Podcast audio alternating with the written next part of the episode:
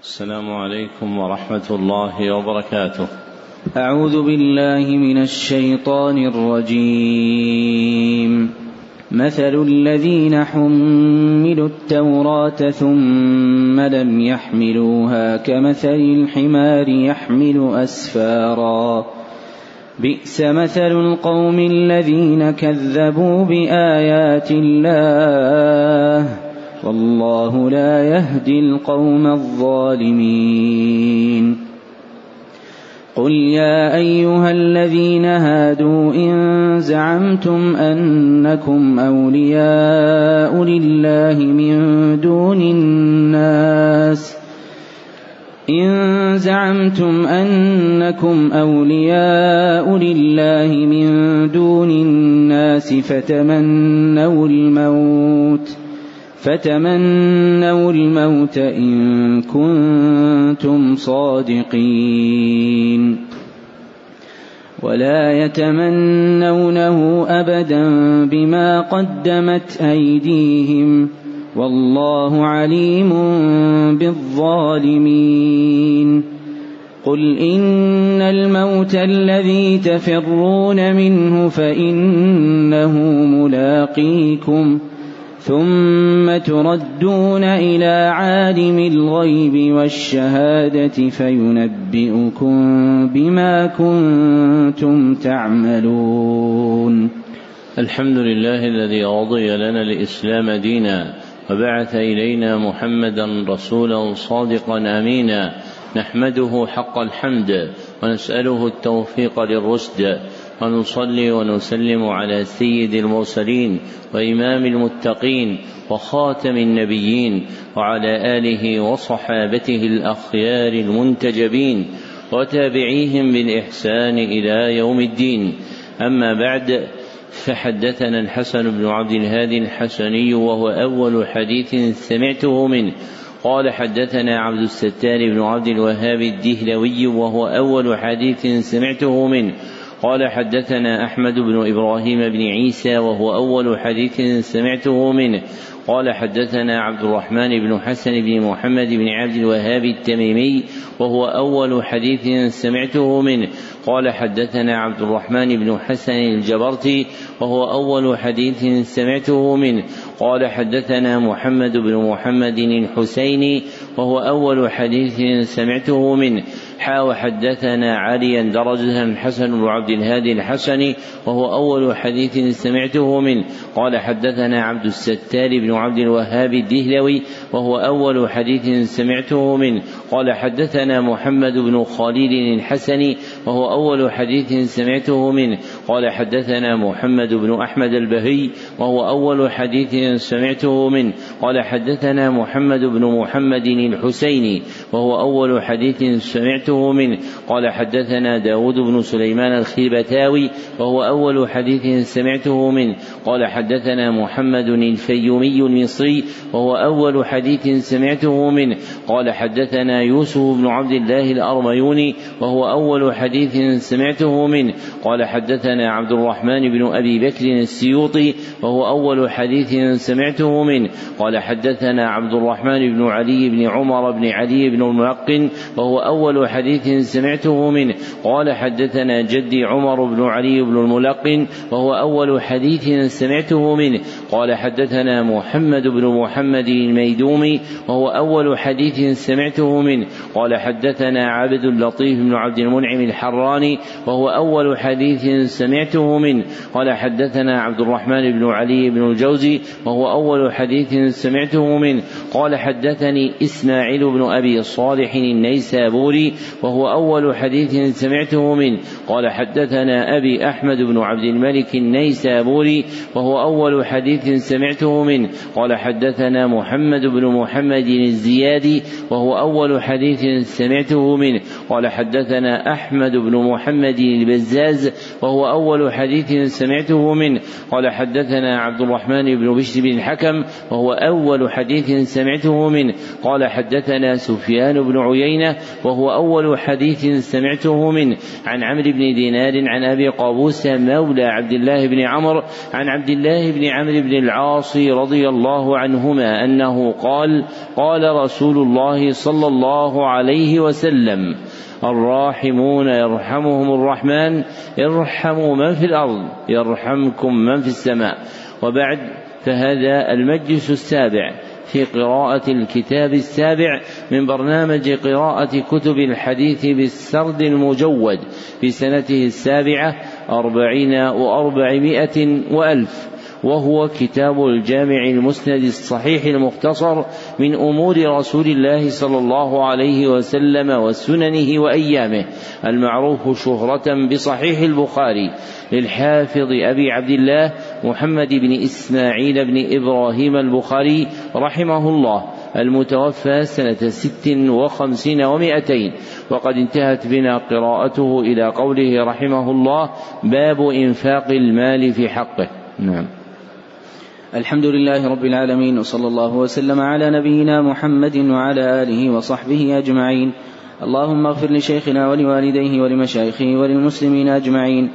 أخبركم حفظكم الله عبد العزيز بن فتح محمد الله ولي المعروف بعزيز زبيد قراءة عليه. قال أخبرنا أحمد الله بن أمير الله الدهلوي وعبد التواب بن قمر الدين الملتاني. قال أخبرنا نذير حسين بن جواد علي الدهلوي قال أخبرنا محمد بن إسحاق بن محمد أفضل الدهلوي قال أخبرنا عبد العزيز بن أحمد الدهلوي قال أخبرنا أبي أحمد بن عبد الرحيم الدهلوي قال أخبرنا أبو طاهر بن إبراهيم الكراني وقال أخبرنا حسن بن علي العجيمي وقال أخبرنا عيسى بن محمد الثعلبي وقال أخبرنا سلطان بن أحمد المزاحي قال أخبرنا أحمد بن خليل السبكي وقال أخبرنا محمد بن أحمد غيطي وقال أخبرنا زكريا بن محمد الأنصاري وقال أخبرنا إبراهيم بن صدقة الصالحي قال أخبرنا إبراهيم بن أحمد التنوخي وقال أخبرنا أحمد بن أبي طالب الحجار وقال أخبرنا الحسين بن مبارك الزبيدي وقال أخبرنا عبد الأول بن عيسى السجزي. قال أخبرنا عبد الرحمن بن محمد الداودي وقال أخبرنا عبد الله بن أحمد السرخسي وقال أخبرنا محمد بن يوسف الفربري وقال أخبرنا محمد بن إسماعيل الجعفي مولاهم البخاري رحمه الله أنه قال في كتابه الصحيح باب إنفاق المال في حقه. قوله رحمه الله باب إنفاق. هذه الترجمة من أمهات التراجم عند البخاري إلا أنها وقعت بلفظين. أحدهما باب إنفاق ووقع هذا في موضع واحد. والآخر باب النفقة.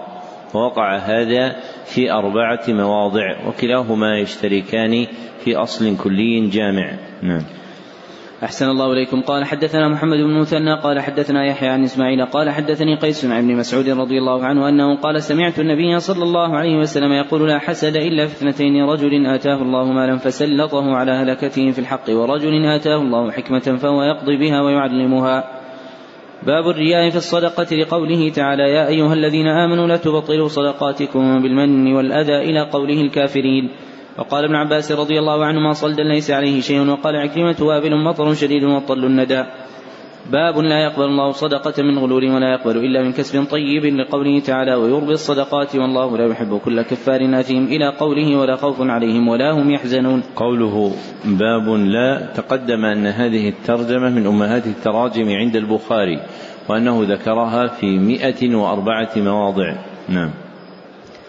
أحسن الله إليكم. قال حدثنا عبد الله بن منير أنه سمع أبا النضر قال حدثنا عبد الرحمن بن عبد الله بن دينار عن أبي أبي صالح عن أبي هريرة رضي الله عنه أنه قال قال رسول الله صلى الله عليه وسلم من تصدق بعدل تمر من تصدق بعدل تمرة من كسب طيب ولا يقبل الله إلا الطيب وإن الله تعالى يتقبلها بيمينه ثم يربيها لصاحبه كما يربي أحدكم فلوه حتى تكون مثل الجبل.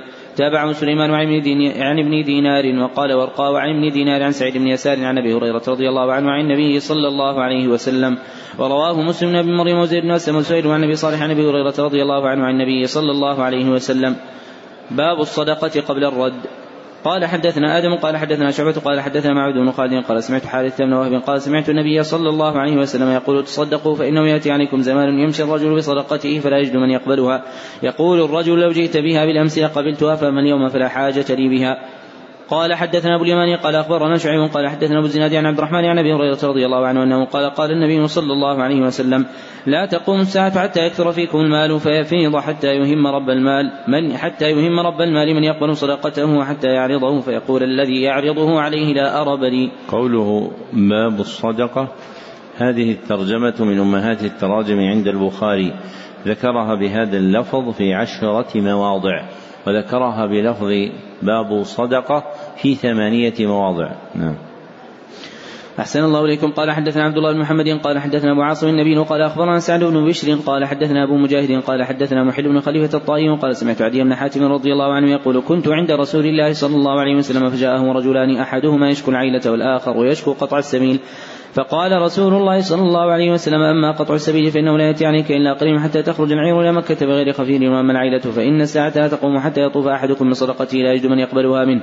ثم لا يقفن أحدكم بين يدي الله عز وجل ليس بينه وبينه حجاب لا ترجمان يترجم له ثم لا يقولن له أولم ثم ليقولن له ألم أوتك مالا فلا يقولن بلى ثم ليقولن ألم مرسل إليك رسولا فلا يقولن بلى فينظر عن يمينه فلا يرى إلا النار ثم ينظر عن شماله فلا يرى إلا النار فليتقين أحدكم النار ولو من شق تمرة فلم يجد فبكلمة طيبة. قوله حدثنا محل ليس في رواتهم من اسمه محل سوى هذا الراوي وهو محل بن خليفة الطائي.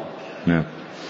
أحسن الله إليكم. قال حدثنا محمد علاء قال حدثنا أبو سامة عن بريد عن أبي بردة عن أبي موسى رضي الله عنه عن النبي صلى الله عليه وسلم أنه قال لا يأتين على الناس زمان يطوف الرجل فيه الصدقة من الذهب ثم يجد أحدا يأخذها منه ويرى الرجل الواحد يتبعه أربعون امرأة يلذن به من قلة الرجال وكثرة النساء.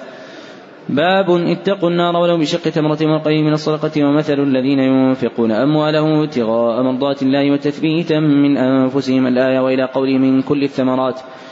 قال حدثنا عبيد الله بن سعيد قال حدثنا ابن النعمان قال الحكم هو ابن عبد الله البصري قال حدثنا شعبة عن سليمان عن أبي وائل عن أبي مسعود رضي الله عنه أنه قال لما نزلت آية الصدقة كنا نحامله فجاء رجل فتصدق بشيء كثير فقالوا مرائي وجاء رجل فتصدق بصاع فقال إن الله لغني عن صاع هذا فنزلت الذين يلمزون المتطوعين من المؤمنين في الصدقات والذين لا يجدون إلا جهدهم الآية. قوله عن أبي وائل تقدم أن هذه الترجمة عندهم عند الإطلاق هي لأبي وائل الأسدي واسمه شقيق بن سلمة الكوفي. نعم. أحسن الله إليكم. قال حدثنا سعيد بن يحيى قال حدثنا أبي قال حدثنا عمش عن شقيق عن أبي مسعود الأنصاري رضي الله عنه أنه قال كان رسول الله صلى الله عليه وسلم إذا أمرنا بالصدقة انطلق أحدنا إلى السوق فتحامل فيصيب المد وإن وإن لبعضهم وإن لبعضهم اليوم لمئة لمئة ألف. قوله حدثنا الأعمش تقدم أن هذا لقب لراو واحد من رواتهم يذكر به واسمه سليمان بن مهران الكاهلي. نعم. أحسن الله إليكم. قال حدثنا سليمان بن حرب قال حدثنا شعبة عن أبي إسحاق قال سمعت عبد الله بن معقل قال سمعت عدي بن حاتم رضي الله عنه أنه قال سمعت رسول الله صلى الله عليه وسلم يقول اتقوا النار ولو بشق تمرة. قوله عن أبي إسحاق تقدم أن هذه الكنية عندهم عند الإطلاق هي لأبي إسحاق السبيعي واسمه عمرو بن عبد الله السبيعي الهمداني الكوفي. نعم. أحسن الله إليكم. قال حدثنا بشر بن محمد قال أخبرنا عبد الله قال أخبرنا عمرو الزهري قال حدثني عبد الله بن أبي بكر بن حزم عن عروة عن عائشة رضي الله عنها أنها قالت دخلت امرأة مع ابنتان لها تسأل فلم تجد عندي شيئا غير تمرة فأعطيتها إياها فقسمتها بين ابنتيها ولم تكن منها ثم قامت فخرجت فدخل النبي صلى الله عليه وسلم علينا فأخبرته فقال ما ابتلي من هذه البنات بشيء كن له سترا من النار. قوله أخبرنا معمر تقدم أن هذا الاسم بفتح ميميه. ووقع بضم ميمه الأولى وفتح الثانية مشددا معمر في ثلاثة أسماء. أحدهم معمر بن محمد الهاشمي مولاهم وثانيهم معمر بن سليمان النخعي وثالثهم معمر بن يعمر الليثي. نعم. أحسن الله إليكم. قال رحمه الله تعالى باب أي الصدقة أفضل وصدقة الشحيح الصحيح لقوله وأنفقوا مما رزقناكم من قبل أن يأتي أحدكم الموت الآية. وقوله يا أيها الذين آمنوا أنفقوا مما رزقناكم من قبل أن يأتي يوم لا بيع فيه. الآية. قوله باب أي تقدم أن هذه الترجمة من أمهات التراجم عند البخاري وأنه ذكرها في خمسة مواضع. نعم. أحسن الله إليكم. قال حدثنا موسى بن إسماعيل قال حدثنا عبد واحد قال حدثنا عمارة بن القعقاع قال حدثنا أبو زرعة قال حدثنا أبو هريرة رضي الله عنه أنه قال جاء رجل إلى النبي صلى الله عليه وسلم فقال يا رسول الله أي الصدقة أعظم أجرا؟ قال أن تصدق وأنت صحيح شحيح تخشى الفقر وتأمل الغنى ولا تمهل حتى إذا بلغت الحلقوم قلت لفلان كذا ولفلان كذا وقد كان لفلان. قوله حدثنا أبو زرعة هذه الكنية عندهم عند الإطلاق هي لأبي زرعة ابن عمرو بن جرير المدني. نعم. أحسن الله إليكم. قال رحمه الله باب حدثنا موسى بن إسماعيل قال حدثنا أبو عوانة عن فراس عن الشعبي عن مسروق عن عائشة رضي الله عنها أن بعض أزواج النبي صلى الله عليه وسلم قلنا للنبي صلى الله عليه وسلم أينا أسرع بك نحوقا قال أطولكن يدا فأخذوا قصبة يذرعونها فكان سودة أطولهن يدا فعلمنا بعد أن ما كانت طول يدها الصدقة وكانت أسرعنا لحوقا به وكانت تحب الصدقة. قوله باب حدثنا تقدم أن هذه الترجمة من أمهات التراجم عند البخاري وأنه ذكرها في أربعة وأربعين موضعا ووقع عنده في ثمانية مواضع باب حدثني ولم يقع عنده باب أخبرنا ولا باب أخبرني. وذكرنا أن القول الفصل في هذه الترجمة أنها فرع عن الترجمة المتقدمة عليها فهي مقدرة بقولهم باب منه. نعم. أحسن الله إليكم. قال رحمه الله باب الصدقة العلانية. قوله الذين ينفقون أموالهم بالليل والنهار سرا وعلانية. إلى قوله ولا هم يحزنون. وقوله في الإسناد المتقدم عن فراس ليس في رواتهم من اسمه فراس سوى راو واحد وهو فراس بن يحيى الهمداني الكوفي. فراس بن يحيى الهمداني الكوفي. نعم. أحسن الله إليكم. قال رحمه الله تعالى باب صدقة السر. وقال أبو هريرة رضي الله عنه عن النبي صلى الله عليه وسلم ورجل تصدق بصدقة فأخفاها حتى لا تعلم شماله ما صنعت يمينه. وقال الله تعالى وإن تخفوها وتؤتوا الفقراء فهو خير لكم. باب إذا تصدق على غني وهو لا يعلم. قال حدثنا أبو اليماني قال أخبرنا شعيب قال حدثنا أبو الزناد عن رجع عن أبي هريرة رضي الله عنه أن رسول الله صلى الله عليه وسلم قال قال رجل لا تصدقن بصدقة فخرج بصدقته فوضع في يد سارق. فأصبحوا يتحدثون تصدق على سارق فقال اللهم لك الحمد لا تصدقن بصدقة فخرج بصدقته فوضعها في يدي زانية فأصبحوا يتحدثون تصدق الليلة على زانية فقال اللهم لك الحمد على زانية لا تصدقن بصدقة فخرج بصدقته فوضعها في يدي غني فأصبحوا يتحدثون تصدق على غني فقال اللهم لك الحمد على سارق وعلى زانية وعلى غني فأتي فقيل له أما صدقتك على سارق فلعله يستعف عن سرقته وأما الزانية فلعل أن تستعف عن زناها وأما الغني فلعله يعتبر فينفق مما أعطاه الله عز وجل باب إذا تصدق على ابنه وقع هنا ذكر ثلاث تراجم نسقا واحدا. باب صدقة العلانية باب صدقة السر باب إذا تصدق. ولم يذكر في الترجمتين الأولين حديثا وإنما ذكر في الترجمة الثالثة حديثا يدل على التراجم كلها. فقوله باب صدقة العلانية استفيدت العلانية من قوله في الحديث فأصبحوا يتحدثون تصدق على غني. فصارت باعتبار حديثهم بها كأنها صدقة علانية. وقوله باب صدقة السر من قوله قال رجل لأتصدقن بصدقة. فخرج بصدقة فوضعها في يد سارق. فهي وقعت سرا باعتبار فعله ووقعت علانية باعتبار علم الناس بها. ووقعت في الترجمة الثالثة باب إذا تصدق على غني وهو لا يعلم لقوله في الحديث فوضعها في يد غني. فالأظهر أن ما وقع في البخاري من التراجم غفلا من حديث بعده فإنه متعلق بأقرب حديث بعده في الترجمة الآتية قريبا منه. نعم. أحسن الله إليكم. قال رحمه الله تعالى باب إذا تصدق على ابنه وهو لا يشعر. قال حدثنا محمد بن يوسف قال حدثنا إسرائيل قال حدثنا أبو الجويرية أن معنى بن يزيد رضي الله عنه حدثه قال بايعت رسول الله صلى الله عليه وسلم أنا وأبي وجدي وخطب علي وخطب علي فانكحني وخاصمت اليه كان أبي يزيد واخرج دنانير يتصدق بها فوضع عند رجل في المسجد فجئت فاخذتها فاتيته بها فقال والله ما إياك أردت فخاصمته إلى رسول الله صلى الله عليه وسلم فقال لك ما نويت يا يزيد ولك ما أخذت يا معا باب الصدقة باليمين. قال حدثنا مسدد قال حدثنا يحيى بن عبيد الله قال حدثني خوي بن عبد الرحمن عن حفص بن عاصم عن أبي هريرة رضي الله عنه عن النبي صلى الله عليه وسلم أنه قال سبعه يظلهم الله تعالى في ظله يوم لا ظل إلا ظله إمام عدل وشاب نشا في عباده الله ورجل قلبه معلق في المساجد ورجل يتحبى في الله اجتمع عليه وتفرق عليه ورجل دعته امرأة ذات منصب وجمال فقال إني أخاف الله عز وجل ورجل صدق بصدقة فأخفاها حتى لا تعلم شماله ما تنفق يمينه ورجل ذكر الله خاليا ففاضت عيناه. قال حدثنا علي بن جعلي قال أخبرنا شعبة قال أخبرني معبد, معبد بن خالد قال سمعت حارثة بن وهب الخزاعي رضي الله عنه يقول سمعت النبي صلى الله عليه وسلم يقول تصدقوا فسيأتي عليكم زمان يمشي الرجل بصدقته فيقول الرجل لو جئت بها بالامس لقبلتها منك فأما اليوم فلا حاجة لي فيها. باب من أمر خادمه بالصدقة ولم يناول بنفسه. وقال أبو موسى رضي الله عنه عن النبي صلى الله عليه وسلم هو أحد المتصدقين.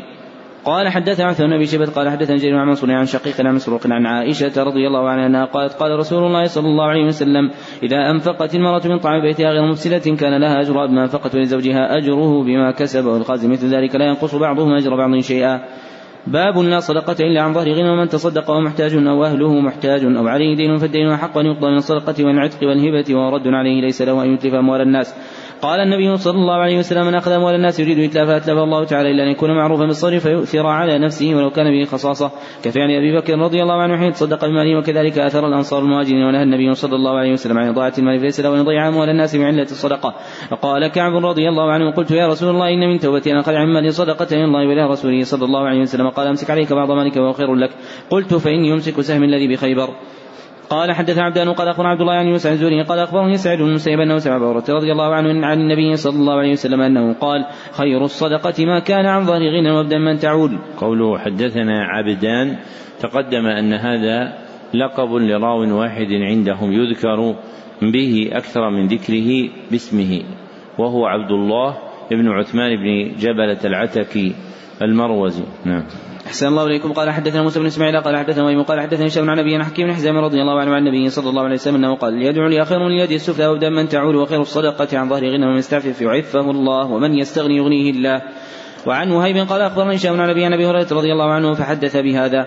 قال حدثنا أبو النعمان قال حدثنا أحمد بن زيد أيوب عن نافع بن عمر رضي الله عنه أنه قال سمعت النبي صلى الله عليه وسلم حا قال وحدثنا عبد الله بن مسلمة عن مالك عن نافع عبد الله بن عمر رضي الله عنه أن رسول الله صلى الله عليه وسلم قال وهو عن المنبر وذكر الصدقة والتعفو والمسألة اليد العليا خير من اليد السفلى فاليد العليا هي المنفقة والسفلى هي السائلة.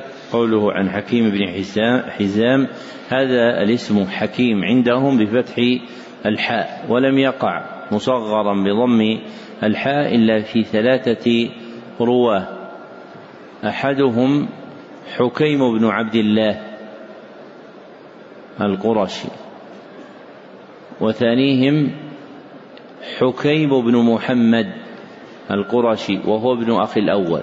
حكيم بن محمد بن قيس القرشي وهو ابن أخي الأول. وثالثهم حكيم بن إبراهيم النخعي. حكيم بن إبراهيم النخعي. وما عدا هؤلاء الثلاثة فهو حكيم. نعم. أحسن الله إليكم. قال رحمه الله تعالى باب البنان بما أعطى لقوله تعالى الذين ينفقون أموالهم في سبيل الله ثم لا يتبعون ما أنفقوا. الآية باب من أحب تعجيل الصدقة من يومها. قال حدثنا أبو عاصم عن عمر بن سعيد بن أبي مليكة عن عقبة بن الحارث رضي الله عنه حدثه قال صلى بنا النبي صلى الله عليه وسلم العصر فأسرع ثم دخل البيت فلم يلبث أن خرج فقلت أو قيل له. فقال كنت خلفت في البيت تبرا من الصدقة فكرهت أن أبيته فقسمته. قال رحمه الله تعالى باب التحريض على الصدقة والشفاعة فيها. قوله باب التحريض هذه الترجمة من أمهات التراجم عند البخاري. ذكرها بهذا اللفظ في ثلاثة مواضع وذكرها منكرة بلفظ باب تحريض في موضعين والتحريض هو الحث بشدة والتحريض هو الحث بشدة. وقوله في الترجمة المتقدمة باب المنان بما أعطى.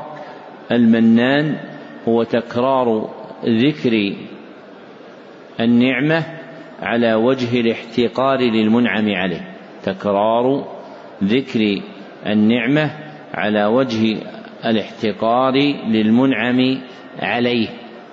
هذا في المذموم الذي هو وصف للمخلوق.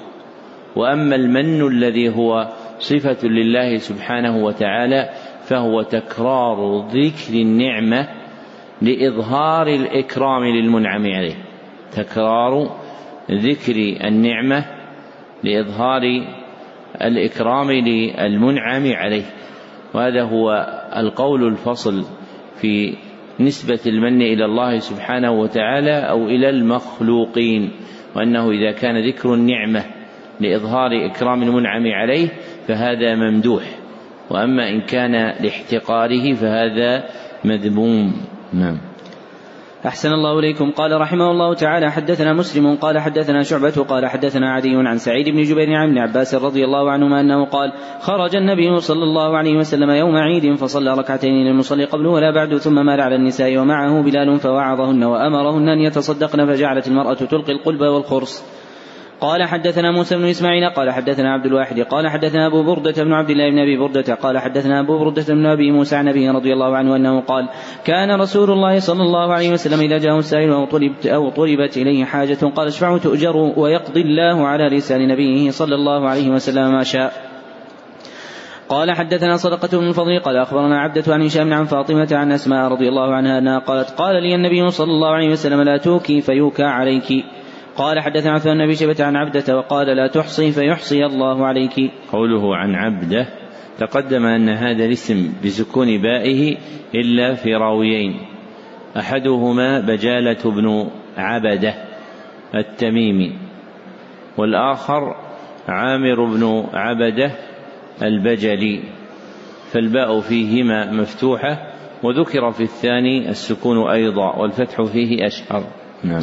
أحسن الله إليكم. قال رحمه الله تعالى باب الصدقة فيما استطاع.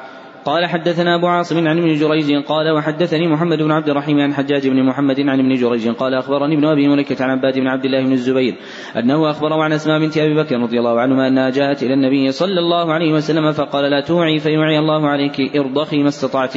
قوله أخبرني ابن أبي مليكة تقدم أن هذه الكنية عندهم لراو واحد شهر بها هو عبد الله بن عبيد الله بن أبي مليكة.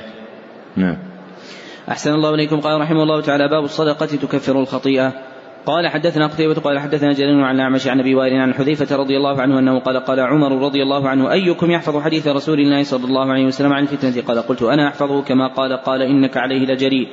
فكيف قال قلت فتنة الرجل في أهله وولده وجانه تكفر الصلاة والصدقة والمعروف قال سليمان وقد كان يقول الصلاة والصدقة والأمر بالمعروف والنهي عن المنكر. قال ليس هذه يريد ولكن يريد التي تموج كموج البحر. قال قلت ليس عليك بها يا أمير المؤمنين بأس بينك وبينها باب مغلق. قال فيكسر الباب أو يفتح. قال قلت لا بل يكسر. قال فإنه إذا كسر المغلق أبدا قال قلت أجل فهبنا أن نسأله من الباب. فقلنا لمسروق سأله قال فسأله فقال عمر رضي الله عنه قال قلنا فعلم عمر من تعني قال نعم. كما أن دون غد ليلة وذلك أني حدثته حديثا ليس بالأغاليط. باب من تصدق في الشرك ثم أسلم. قال حدثنا عبد الله بن محمد قال حدثني هشام قال حدثنا معمر عن زوري عن عروة عن حكيم بن حزام رضي الله عنه أنه قال قلت يا رسول الله يا ريت أشياء كنت أتحنث بها في الجاهلية من صدقة أو عتاقة وصلة رحم فهل فيها من أجر؟ فقال النبي صلى الله عليه وسلم أسلمت على ما سلف من خير. قوله عن الزهري تقدم أن هذه نسبة جماعة وعند الإطلاق فهي لمحمد بن مسلم بن شهاب الزهري. نعم. أحسن الله إليكم. قال رحمه الله تعالى باب أجر الخادم إذا تصدق بأمر صاحبه غير مفسد. قوله باب أجر هذه الترجمة من أمهات التراجم عند البخاري. ذكرها بهذا اللفظ في سبعة مواضع. نعم. أحسن الله إليكم قال حدثنا قتيبة بن سعيد قال حدثنا جرير عن الأعمش عن أبي وائل عن مسروق عن عائشة رضي الله عنها أنها قالت قال رسول الله صلى الله عليه وسلم إذا تصدقت المرأة من طعام زوجها غير مفسدة كان لها أجرها ولزوجها بما كسبه الخازن مثل ذلك. قوله حدثنا قتيبة تقدم أنه ليس في رواته من اسمه قتيبة سوى قتيبة بن سعيد بن جميل بن طريف الثقفي. نعم. أحسن الله إليكم. قال حدثنا محمد بن العلاء قال حدثنا أبو أسامة عن بريد بن عبد الله عن أبي بردة عن أبي موسى رضي الله عنه عن النبي صلى الله عليه وسلم أنه قال الخازن المسلم الأمين الذي ينفذ وربما قال يعطي ما أمر به كاملا موفرا طيب به نفسه فيدفعه إلى الذي أمر له به أحد المتصدقين. قوله حدثنا أبو أسامة تقدم أن هذه الكنية عندهم عند الإطلاق هي لأبي أسامة الكوفي واسمه حماد بن أسامة. نعم. أحسن الله إليكم. قال رحمه الله تعالى باب أجر المرأة إذا تصدقت أو أطعمت من بيت زوجها غير مفسدة. قال حدثنا آدم قال حدثنا شعبة قال حدثنا منصور والأعمش عن أبي وائل عن مسروق عن عائشة رضي الله عنها عن النبي صلى الله عليه وسلم تعني إذا تصدقت المرأة من بيت زوجها قال حدثنا عمر بن حفص قال حدثنا أبي قال حدثنا عمش عن شقيق عن مسروق عن عائشة رضي الله عنها أنها قالت قال النبي صلى الله عليه وسلم إذا أطعمت المرأة من بيت زوجها غير مفسدة لها أجرها وله مثله وللخازن مثل ذلك له بما اكتسب ولها بما أنفقت. قال حدثنا يحيى بن يحيى قال أخبرنا جرير عن منصور عن شقيق عن مسروق عن عائشة رضي الله عنها عن النبي صلى الله عليه وسلم أنه قال إذا أنفقت امراه من طعام بيتها غير مفسدة فلا أجرها وللزوج ما اكتسب وللخازن مثل ذلك. باب قول الله تعالى فأما من أعطى واتقى وصدق بالحسنى فسنيسره لليسرى وأما من بخل واستغنى وكذب بالحسنى فسنيسره للعسرى اللهم أعط منفق اللهم أعط منفق مال خلفا قال حدثني إسماعيل قال حدثني أخي عن سليمان عن معاوية بن أبي مزرد عن أبي الحباب عن أبي هريرة رضي الله عنه النبي صلى الله عليه وسلم قال ما من يوم يصبح العباد فيه إلا ملكان ينزلان فيقول أحدهما اللهم أعط منفقا خلفا ويقول الآخر اللهم أعط ممسكا تلفا. قوله عن أبي الحباب تقدم أن هذا الاسم الحباب يجيء بأل وبدون أل وأما خباب بالمعجمة فلا يجيء إلا مجردا من أل. وهذه الكنية عندهم لراو واحد مشهور بها واسمه سعيد بن يسار المدني. وقوله عن معاوية بن أبي مزرد هذه الكنية ابن أبي مزرد تأتي كثيرا يذكر بها هذا الراوي وليست لغيره واسمه معاوية بن عبد الرحمن الهاشمي مولاه. معاوية بن عبد الرحمن الهاشمي مولاهم فيذكر في الأسانيد عن ابن أبي مزرد. نعم. أحسن الله إليكم. قال رحمه الله تعالى باب مثل المتصدق والبخيل. قال حدثنا موسى قال حدثنا ويب قال حدثنا مطاوس عن ابي عن ابي هريره رضي الله عنه انه قال قال النبي صلى الله عليه وسلم مثل البخيل والمتصدق كمثل رجلين عليهما جبتان من حديد قال وحدثنا أبو اليماني قال أخبرنا شعيب قال حدثنا أبو الزناد أن عبد الرحمن حدثه انه سمع ابا هريرة رضي الله عنه أنه سمع رسول الله صلى الله عليه وسلم يقول مثل البخيل والمنفق كمثل رجلين عليهما جبتان من حديد. من ثديهما إلى ترقيما فاما المنفق فلا ينفق إلا سبغت أو وفرت على جلده حتى تخفي بنانه وتعفو آثره. وأما البخيل فلا يريد أن ينفق شيئا إلا لزقت إلا لزقت كل حلقة مكانها فهو يوسعها ولا تتسع. تابع الحسن بن مسلم عن طاووس في الجبتين وقال حمزة عن طاووس جنتان وقال ليث حدثني جعفر عن هرمز أنه قال سمعت أبا هريرة رضي الله عنه عن النبي صلى الله عليه وسلم أنه قال جنتان. قوله عن طاووس تقدم أنه ليس في رواتهم من اسمه طاووس سوى طاووس بن كيسان اليماني. نعم. أحسن الله إليكم. قال رحمه الله تعالى باب صدقة الكسب والتجارة قوله تعالى يا أيها الذين آمنوا أنفقوا من طيبات ما كسبتم إلى قوله أن الله غني حميد. باب على كل مسلم صدقة فمن لم يجد فليعمل بالمعروف. قال حدثنا مسلم بن إبراهيم قال حدثنا شعبة قال حدثنا سعيد بن أبي عن نبيه عن جده عن النبي صلى الله عليه وسلم أنه قال على كل مسلم صدقة. فقالوا يا نبي الله فمن لم يجد؟ قال يعمل بيده فينفع نفسه يتصدق. قالوا فإن لم يجد قال عند الحج. من هو؟ قالوا فإن لم يجد قال فليعمل بالمعروف ويمسك عن الشر فإنها له صدقة. باب قدر باب قدر كم يعطى من الزكاة والصدقة ومن أعطى شاة. قال حدثنا أحمد بن يونس قال حدثنا أبو شهاب عن خالد الحذاء عن حفصة بنت سيرين عن أم عطية رضي الله عنها أنها قالت بعث إلى نسيبه الأنصارية بشاة فأصلت العائشه رضي الله عنها منها فقال النبي صلى الله عليه وسلم عندكم شيء؟ فقلت لا إلا ما أرسلت به نسيبه بنت الشاة. فقال هات. فقد بلغت محلها. قوله حدثنا أبو شهاب هذه الكنية عندهم ولا سيما في البخاري لراويين. أحدهما أبو شهاب الأكبر والآخر أبو شهاب الأصغر. أحدهما أبو شهاب الأكبر والآخر أبو شهاب الأصغر. واسم أبي شهاب الأكبر موسى بن نافع الأسدي وقيل الهدلي. موسى بن نافع الأسدي وقيل الهدلي. واسم الأصغر عبد ربه ابن نافع الكناني عبد ربه ابن نافع الكناني فهما متفقان في كنيتهما وفي اسم أبيهما وليس بأخوين وليس بأخوين. ووقع في البخاري كل منهما بكنيته فلا يتميزان إلا بالشيوخ والأصحاب فلا يتميزان إلا بالشيوخ والأصحاب. وهذا هو المبحوث فيما يسمى القواعد الإسنادية النسبية يعني التي تتعلق بالراوي على وجه التركيب. فيعرف تعيين الراوي بشيوخه وأصحابه. فمثلا إذا وقع في البخاري حدثنا الحميدي حدثنا سفيان فسفيان هذا هو ابن عيينة لأن الحميدي لا رواية له عن سفيان الثوري.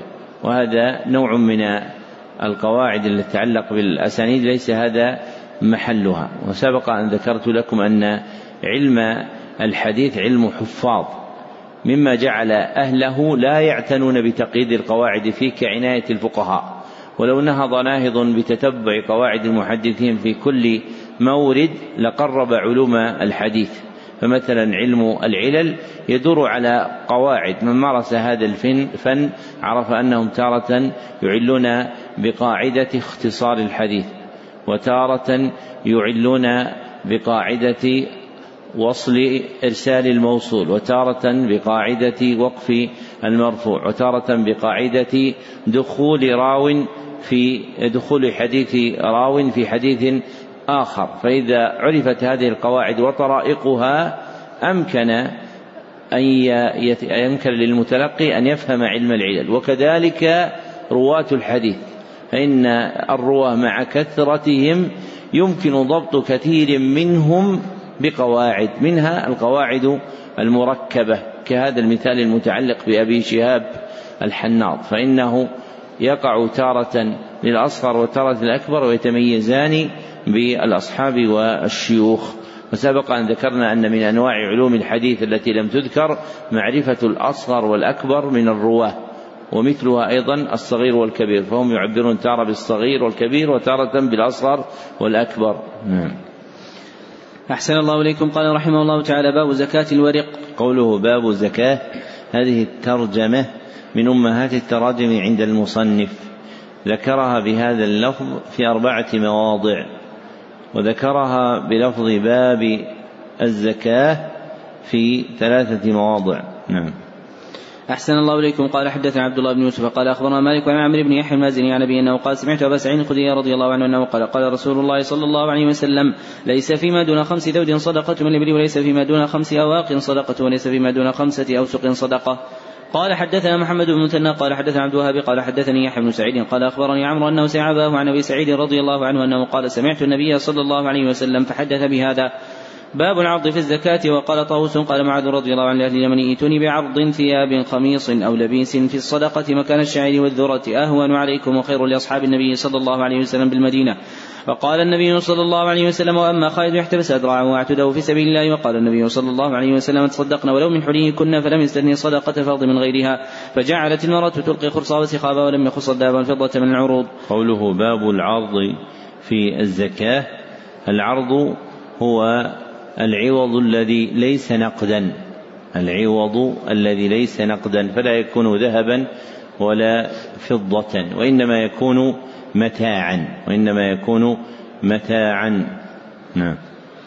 أحسن الله إليكم. قال حدثنا محمد بن عبد الله قال حدثني أبي قال حدثنا ثمامة أن أنس رضي الله عنه حدثه أن أبا بكر رضي الله عنه كتب له التي أمر الله رسوله صلى الله عليه وسلم بلغت صدقته بنت مخاض وليست عنده وعنده بنت لبون فإنها تقبل منه ويعطيه المصدق عشرين درهما أو شاتين. فإن لم يكن عنده بنت مخاض على وجهها وعنده ابن لبون فإنه يقبل منه وليس معه شيء. قال حدثنا مؤمن قال حدثنا إسماعيل بن عن عطاء بن ابي رباح انه قال قال ابن عباس رضي الله عنهما أشهد على رسول الله صلى الله عليه وسلم أن صلى قبل الخطبة فرأى أنه لم يسمع النساء. فأتاهن ومعه بلال ومعه بلال ناشر ثو ناشر ناشر ثومه فوعظهن وأمرهن أن يتصدقن وجعلت امرأة تلقي وأشار أيوب إلى أذنه وإلى حلقه.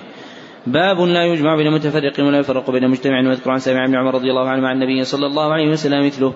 قال حدثنا محمد عبد الله الأنصاري وقال حدثني أبي قال حدثني ثمامة أن أنس رضي الله عنه حدثه ان ابا بكر رضي الله عنه كتب له التي فرض رسول الله صلى الله عليه وسلم يجمع بين متفرق ولا يفرق بين مجتمع خشية الصدقة. باب ما كان من خليطين فانهما يتراجعن بينهما السبيع وقال طاووس وعطاء إذا علم الخليطان اموالهما فلا يجمع مالهما وقال سفيان لا يجمع حتى يتم لهذا أربعون شاة ولهذا أربعون شاة. قال حدثنا محمد عبد الله قال حدثني أبي قال حدثني ثمان أنس رضي الله عنه حدثنا بكر رضي الله عنه كتب التي فرض رسول الله صلى الله عليه وسلم وما كان من خليطين فإنهما يتراجعن بينهما بالسوية. قوله باب ما كان تقدم أن هذه الترجمة من أمهات التراجم عند المصنف وانه ذكرها في أحد عشر موضعا. نعم. أحسن الله إليكم. قال رحمه الله تعالى باب زكاة الإبل. ذكره أبو بكر وأبو ذر وأبو هريرة رضي الله عنه عن النبي صلى الله عليه وسلم. قال حدثنا علي بن عبد الله قال حدثنا وليد بن مسلم قال حدثنا وزيع قال حدثنا شهاب بن عطاء بن يزيد أن عن النبي سعيد الخدري رضي الله عنه أن أعرابيا سأل رسول الله صلى الله عليه وسلم عن الهجرة فقال ويحك إن شأنها شديد فهل لك من إبل تؤدي صدقتها؟ قال نعم. قال فعل من وراء البحار فإن الله لن يترك من عملك شيئا. قوله حدثني ابن شهاب تقدم أن هذه الكنية عندهم عند الإطلاق هي لابن شهاب الزهري واسمه محمد بن مسلم. قوله حدثنا الأوزاعي تقدم أن هذه النسبة لجماعة وهي عند الإطلاق لأبي عمرو عبد الرحمن بن عمرو الأوزاعي الشامي. نعم. أحسن الله إليكم. قال رحمه الله تعالى باب من بلغت عنده صدقة بنت بنت باب من بلغت عنده صدقة بنت مخاض وليست عنده. قال حدثنا محمد عبد الله قال حدثني أبي قال حدثني ثمامة أن أنس رضي الله عنه حدثه ان ابا بكر رضي الله عنه كتب له فريضة الصدقة التي أمر الله رسوله صلى الله عليه وسلم. من بلغت عنده من ابن صدقة الجذعه وليست عنده جذعه عنده حقة فإنها تقبل منه الحقة ويجعل معها شاتين استيسرتا له عشرين درهما. ومن بلغت عنده صدقة الحقة وليست عنده الحقة وعنده الجذعه فإنها تقبل منه الجذعه ويعطيه المصدق عشرين درهما. أو شاتين. ومن بلغت عنده صدقة الحقة وليست عنده إلا بنت لبون فإنها تقبل منه بنت لبون ويعطي شاتين وعشرين درهما. ومن بلغت صدقة بنت لبون وعنده حقة فإنها تقبل منه الحقة ويعطيه المصدق عشرين درهما أو شاتين ومن بلغت صدقته بنت لبون وليست عنده وعنده بنت مخاض فإنها تقبل منه بنت مخاض ويعطي معها عشرين درهما أو شاتين. باب زكاة الغنم. قال حدثنا محمد بن عبد الله بن مثنى الأنصاري قال حدثني أبي قال حدثني ثمامة بن عبد الله بن أنس أن أنس رضي الله عنه حدثه أن أبا بكر رضي الله عنه كتب له هذا الكتاب لما وجهه إلى البحرين. بسم الله الرحمن الرحيم. هذه فريضة الصدقة التي فرض رسول الله صلى الله عليه وسلم على المسلمين والتي أمر الله بها رسوله صلى الله عليه وسلم من سئل من المسلمين على وجهها فليعطيها. ومن سئل فوقها فلا يعطي في 24 من الإبل فما دون من الغنم في كل خمس شاة اذا بلغت 25 إلى 35 فيها بنت بخاض انثى فإذا بلغت 36 إلى 45 فيها بنت لبون انثى فاذا بلغت 46 إلى 60 فيها طروقة الجمل فاذا بلغت 61 إلى 75 فيها جذعة فإذا بلغت يعني 76 إلى 90 فيها بنت لبن فإذا بلغت 91 إلى 20 و100 فيها حقتان, طروقة الجمل. فإذا زادت على 20 و100 في كل 40 بنت لبن وفي كل 50 حقة ومن لم يكن معه إلا أربع من الإبل فليس فيها صدقة إلا يشاء ربها. فإذا بلغت خمسا من الإبل ففيها شاة. وفي صدقة الغنم في السائمة إذا كانت 40 إلى 20 و100 شاة. وإذا زادت على 20 و100 إلى 200 شاتان. فإذا زادت على 200 إلى 300 فيها ثلاث. فإذا زادت على 300 في كل 100 شاة فإذا كانت سائمة الرجل قسط من 40 شاة واحدة فليس فيها صدقة إن شاء ربها. وفي الرقة ربع العشر وفي الرقة ربع العشر فإن لم تكن 90 و100 فليس فيها شيء إلا أن يشاء ربها. باب لا تؤخذ في الصدقة, في الصدقة هرمة ولا ذات عوار ولا تيس إلا ما شاء المصدق. إلا ما شاء المصدق. قال حدثنا محمد بن عبد الله قال حدثني أبي قال حدثني ثمامة أن أنس رضي الله عنه حدثه ان أبا بكر رضي الله عنه كتب له التي أمر الله ورسوله صلى الله عليه وسلم لا يخرج في الصدقة هارمة ولا ذات عوار ولا تيس إلا ما شاء المصدق. باب أخذ العناق في الصدقة. قوله باب أخذ هذه الترجمة من أمهات التراجم عند البخاري ذكرها بلفظ باب أخذ في ثلاثة مواضع وذكرها بلفظ باب الأخذ في موضعين والعناق هي الأنثى الصغيرة من المعز. الأنثى الصغيرة من المعز. نعم.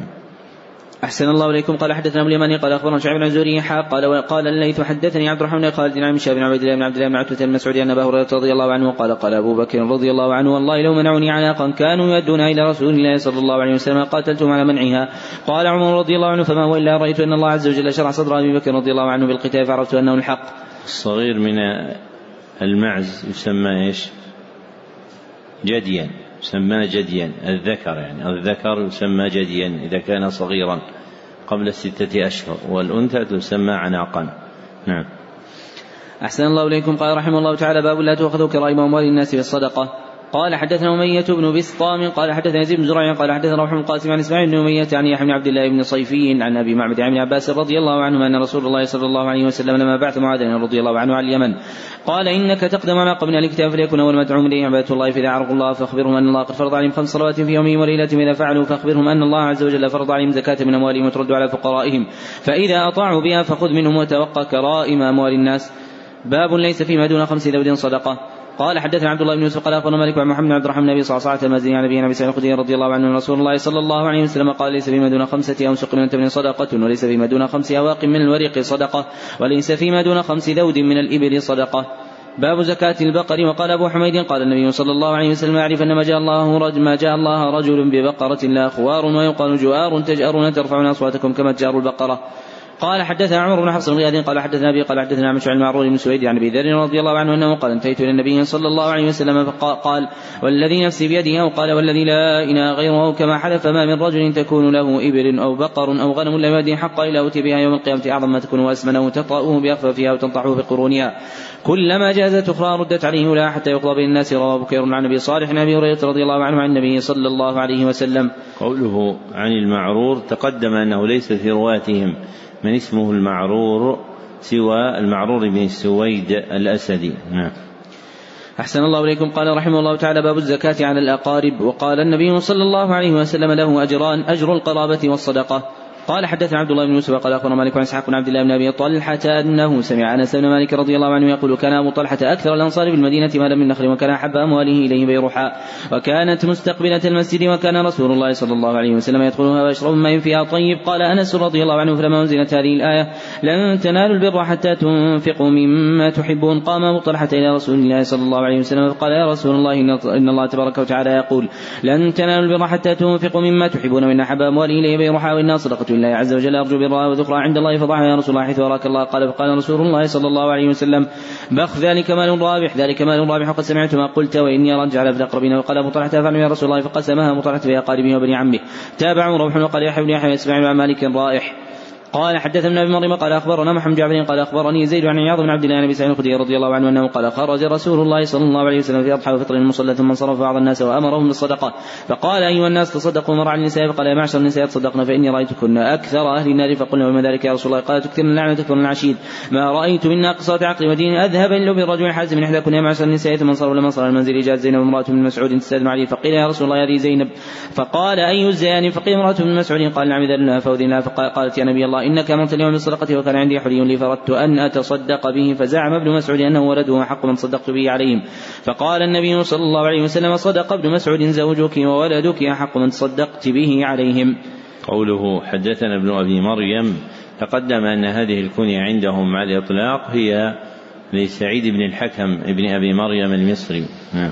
أحسن الله إليكم. قال رحمه الله تعالى باب ليس على المسلم في فرسه صدقة. قال حدثنا آدم قال حدثنا شعبة وقال حدثنا عبد الله بن دينار قال سمعت سليمان بن عن عراك بن مالك عن أبي هريرة رضي الله عنه أنه قال قال النبي صلى الله عليه وسلم ليس على المسلم في فرسه وغلامه صدقة. قوله عن عراك ليس في رواتهم من اسمه عراك سوى هذا الراوي وهو عراك بن مالك الغفاري. نعم. أحسن الله إليكم قال رحمه الله تعالى باب ليس على المسلم في عبده صدقة قال حدثنا مسدد قال حدثنا أحمد سعيد عن خثيم بن عراك قال حدثني أبي عن أبي هريرة رضي الله عنه عن النبي صلى الله عليه وسلم قال حدثنا سليمان بن حرب قال حدثنا ابن خالد قال حدثنا خثيم بن عراك بن مالك عن أبي عن أبي هريرة رضي الله عنه عن النبي صلى الله عليه وسلم أنه قال ليس على المسلم صدقة بعبده ولا فرسه. باب الصدقة على اليتامى. قال حدثنا معاذ بن فضالة قال حدثنا هشام عن يحيى هلال بن ميمونة قال حدثنا عطاء بن يسار إنه سمع بس عن الخدري رضي الله عنه يحدث النبي صلى الله عليه وسلم جلس ذات يوم على المنبر وجلسنا حوله فقال إني مما أخاف عليكم بعد ما يفتح عليكم من زارة الدنيا وزينتها وقال رجل يا رسول الله أو ياتي الخير بالشر فسكت النبي صلى الله عليه وسلم فقال ما شأنك تكلم النبي صلى الله عليه وسلم ولا يكلمك؟ فرأينا أنه ينزل عليه قال فمسح عنه الروح ضاء. فقال أين السائل؟ وكأنه حمده. فقال إنه لا يأتي الخير بالشر وإنما ينبت الربيع يقتل أو يلم إلا أكلة الخضراء أكلت حتى يمتد خاصرتها. استقبل أقبلت عين الشمس فتلطت وبالت ورتعت إن هذا المال خضرة حلوة فنعم صاحب المسلم ما أعطى منه المسكين واليتيم والسبيل وكما قال النبي صلى الله عليه وسلم وإنه من يأخذه بغير حقه كالذي يأكل ولا يشبع ويكون شهيدا عليه يوم القيامة. باب الزكاة على الزوج والأيتام في الحجر قال أبو سعيد عن النبي صلى الله عليه وسلم قال حدث عمرو بن حفص قال حدث النبي قال حدثنا عمشو قال حدثني شقيق عن عمرو بن الحارث عن زينب امرأة عبد الله رضي الله عنهما أنه قال فذكرت لإبراهيم فحدثني إبراهيم عن أبي عبيدة عن عمرو بن الحارث عن زينب امرأة عبد الله وذكره بمثله سواء. قالت كنت في المسجد فرأيت النبي صلى الله عليه وسلم وقد صدقنا من حليكن وكانت زينب تنفق على عبد الله ويتام في حجرها. قال فقالت عبد الله يسأل رسول الله صلى الله عليه وسلم يزي عني أن أنفق عليك وعلى يتام في حجر من الصدقة فقال سلي أنت رسول الله صلى الله عليه وسلم. فانطلقت إلى النبي صلى الله عليه وسلم فوجد فوجد فوجدت امرأة من الأنصار على الباب حاجتها مثل حاجتي فمر علينا بلال فقلنا سل النبي صلى الله عليه وسلم يزني عني أن أنفق على زوجي ويتم لي في حجري. فقلنا لا تخبر بنا فدخل فسأله فقال من هما قال زينب قال الزيانب قال امرأة عبد الله قال نعم لها أجران أجر القرابة وأجر الصدقة. قوله عن أبي عبيدة تقدم أن هذا الاسم إذا وقع في الكنى فهو عندهم بضم العين أبو عبيدة. وأما في الأسماء فيجيء بالضم والفتح. عبيدة وعبيدة. نعم. أحسن الله إليكم. قال حدثنا عثمان بن شيبة قال حدثنا عبدة بن هشام عن أبي عن زينب بنت أم سلمة أنها قالت قلت يا رسول الله ألي أجر أن أنفق على بني على بني أبي سلمة إنما هم بني فقال أنفقي عليهم فلك أجر ما أنفقت عليهم. باب قول الله تعالى وفي الرقاب وفي سبيل الله واذكر عن عباس رضي الله عنهما قال يعتق من زكاة ماله ويعطي في الحج وقال الحسن اشترى أباه من الزكاة جاز ويعطي بالمجاهدين والذي لم يحج ثم تلا إنما الصدقات للفقراء الآية. في أيها أعطيت أجزأت. وقال النبي صلى الله عليه وسلم إن خالد احتبس أدرعه في سبيل الله واذكر عن أبي لاس. قال حملنا النبي صلى الله عليه وسلم على إبل الصدقة الحج. قوله باب قول الله تعالى تقدم أن هذه الترجمة من أمهات التراجم عند البخاري وأنه ذكرها بهذا اللفظ في مئة وأربعة وأربعين موضعا وذكرها بلفظ باب قوله تعالى في مئة وواحد وسبعين موضعا وذكرها أيضا بلفظ باب ثم يذكر آية في مئتين وأربعة وثلاثين موضعا. نعم.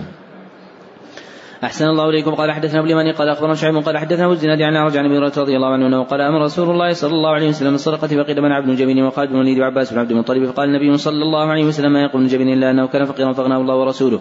وأما خالد فإنكم تظلمون. خالدا قد احتبس أدرعه وأعتوده في سبيل الله. وأما عباس بن عبد المطلب فعم رسول الله صلى الله عليه وسلم فعليه صدقة ومثلها معها. تابع من أبي الزناد عن أبيه وقال ابن إسحاق عن أبي الزناد هي عليه ومثلها معها. وقال ابن جريج حدث عن الأعرج فذكره بمثله. قوله عن الأعرج تقدم أن هذا لقب يراد به غالبا عبد الرحمن بن هرمز الأعرج. وقوله حدثنا أبو زناد تقدم أن هذه الكنية عندهم لراو واحد هو عبد الله بن ذكوان المدني. وقوله أخبرنا أو حدثنا أبو اليمان تقدم أن هذه الكنية عندهم لأبي اليمان الحمصي واسمه الحكم بن نافع. نعم. أحسن الله إليكم. قال رحمه الله تعالى باب الاستعفاف عن المسألة. قال حدثنا عبد الله بن يوسف قال أخبرنا مالك عن شاب بن عطاء بن يزيد التي عن أبي سعيد الخدري رضي الله عنه أن الناس من الأنصار سألوا رسول الله صلى الله عليه وسلم فأعطاهم ثم سألوه فأعطاهم حتى نفد ما عنده. فقال ما يكون عندي من خير فلن أدخره عنكم ومن يستعفف يعفه الله ومن يستغني يغنيه الله ومن يتصبر يصبره ومن يتصبر يصبره الله وما أعطي أحد عطاء خيرا وأوسع من الصبر. قال حدثنا عبد الله بن يوسف قال أخبرنا مالك عن الزيان عن رجع النبي هريرة رضي الله عنه أن رسول الله صلى الله عليه وسلم قال والذي نفسي بيده لأن يأخذ أحدكم حبله فيحتطب على ظهره خير له من يأتي رجلا فيسأله اعطاه ومنعه. قال حدثنا موسى قال حدثنا ابن قال حدثني هشام عن أبي الزبير بن العوام رضي الله عنه عن النبي صلى الله عليه وسلم أنه قال يأخذ أحدكم لأن يأخذ أحدكم حبله فيأتي بحزمة حطب على ظهره فيبيعها فيكف الله عز وجل بها وجهه خير له من أن الناس أعطوه أو منعوه. قال وحدثنا عبدان قال أخبرنا عبد الله قال أخبرنا يوسف عن زوري عن عروة بن الزبير وسعيد بن المسيب بن حكيم بن حزام رضي الله عنه قال سألت رسول الله صلى الله عليه وسلم فأعطاني ثم سألته فأعطاني ثم سألته فأعطاني ثم قال يا حكيم إن هذا المال خضرة حلوة فمن أخذه بسخاوه نفس بورك له فيه ومن أخذه بشراب نفس له مبارك له فيه كالذي يأكل ولا يشبع اليد العليا خير من اليد السفلى قال حكيم وقلت يا رسول الله والذي بعثك بالحق لا ارجى وأحد بعدك شيئا حتى بارك الدنيا وكان أبو بكر رضي الله عنه يدعو حكيم بن عطاء فيأبى أن يقبله منه ثم إن عمر رضي الله عنه دعاني يعطيه فأبى أن يقبل من شيئا فقال عمر رضي الله عنه يشركم يا معشر المسلمين على حكيم اعرضوا علي حقه من هذا الفيء فيابى أن يأخذه. فلم يرزع حكيم أحد من الناس بعد رسول الله صلى الله عليه وسلم حتى توفي. باب من أعطاه الله عز وجل شيئا من غير مسألة ولا إشراف نفس. قال حدثني أحمد بن بكير قال حدثني ليث عن موسى عن الزهري عن سالم ان عبد الله بن عمر رضي الله عنهما قال سمعت عمر رضي الله عنه يقول كان رسول الله صلى الله عليه وسلم يعطينا عطاء فأقول اعطي من هو افقر إليه مني فقال خذه إذا جاءك من هذا المال شيء وأنت غير مشرف ولا سائل فخذه وما لا فلا تتبع نفسك.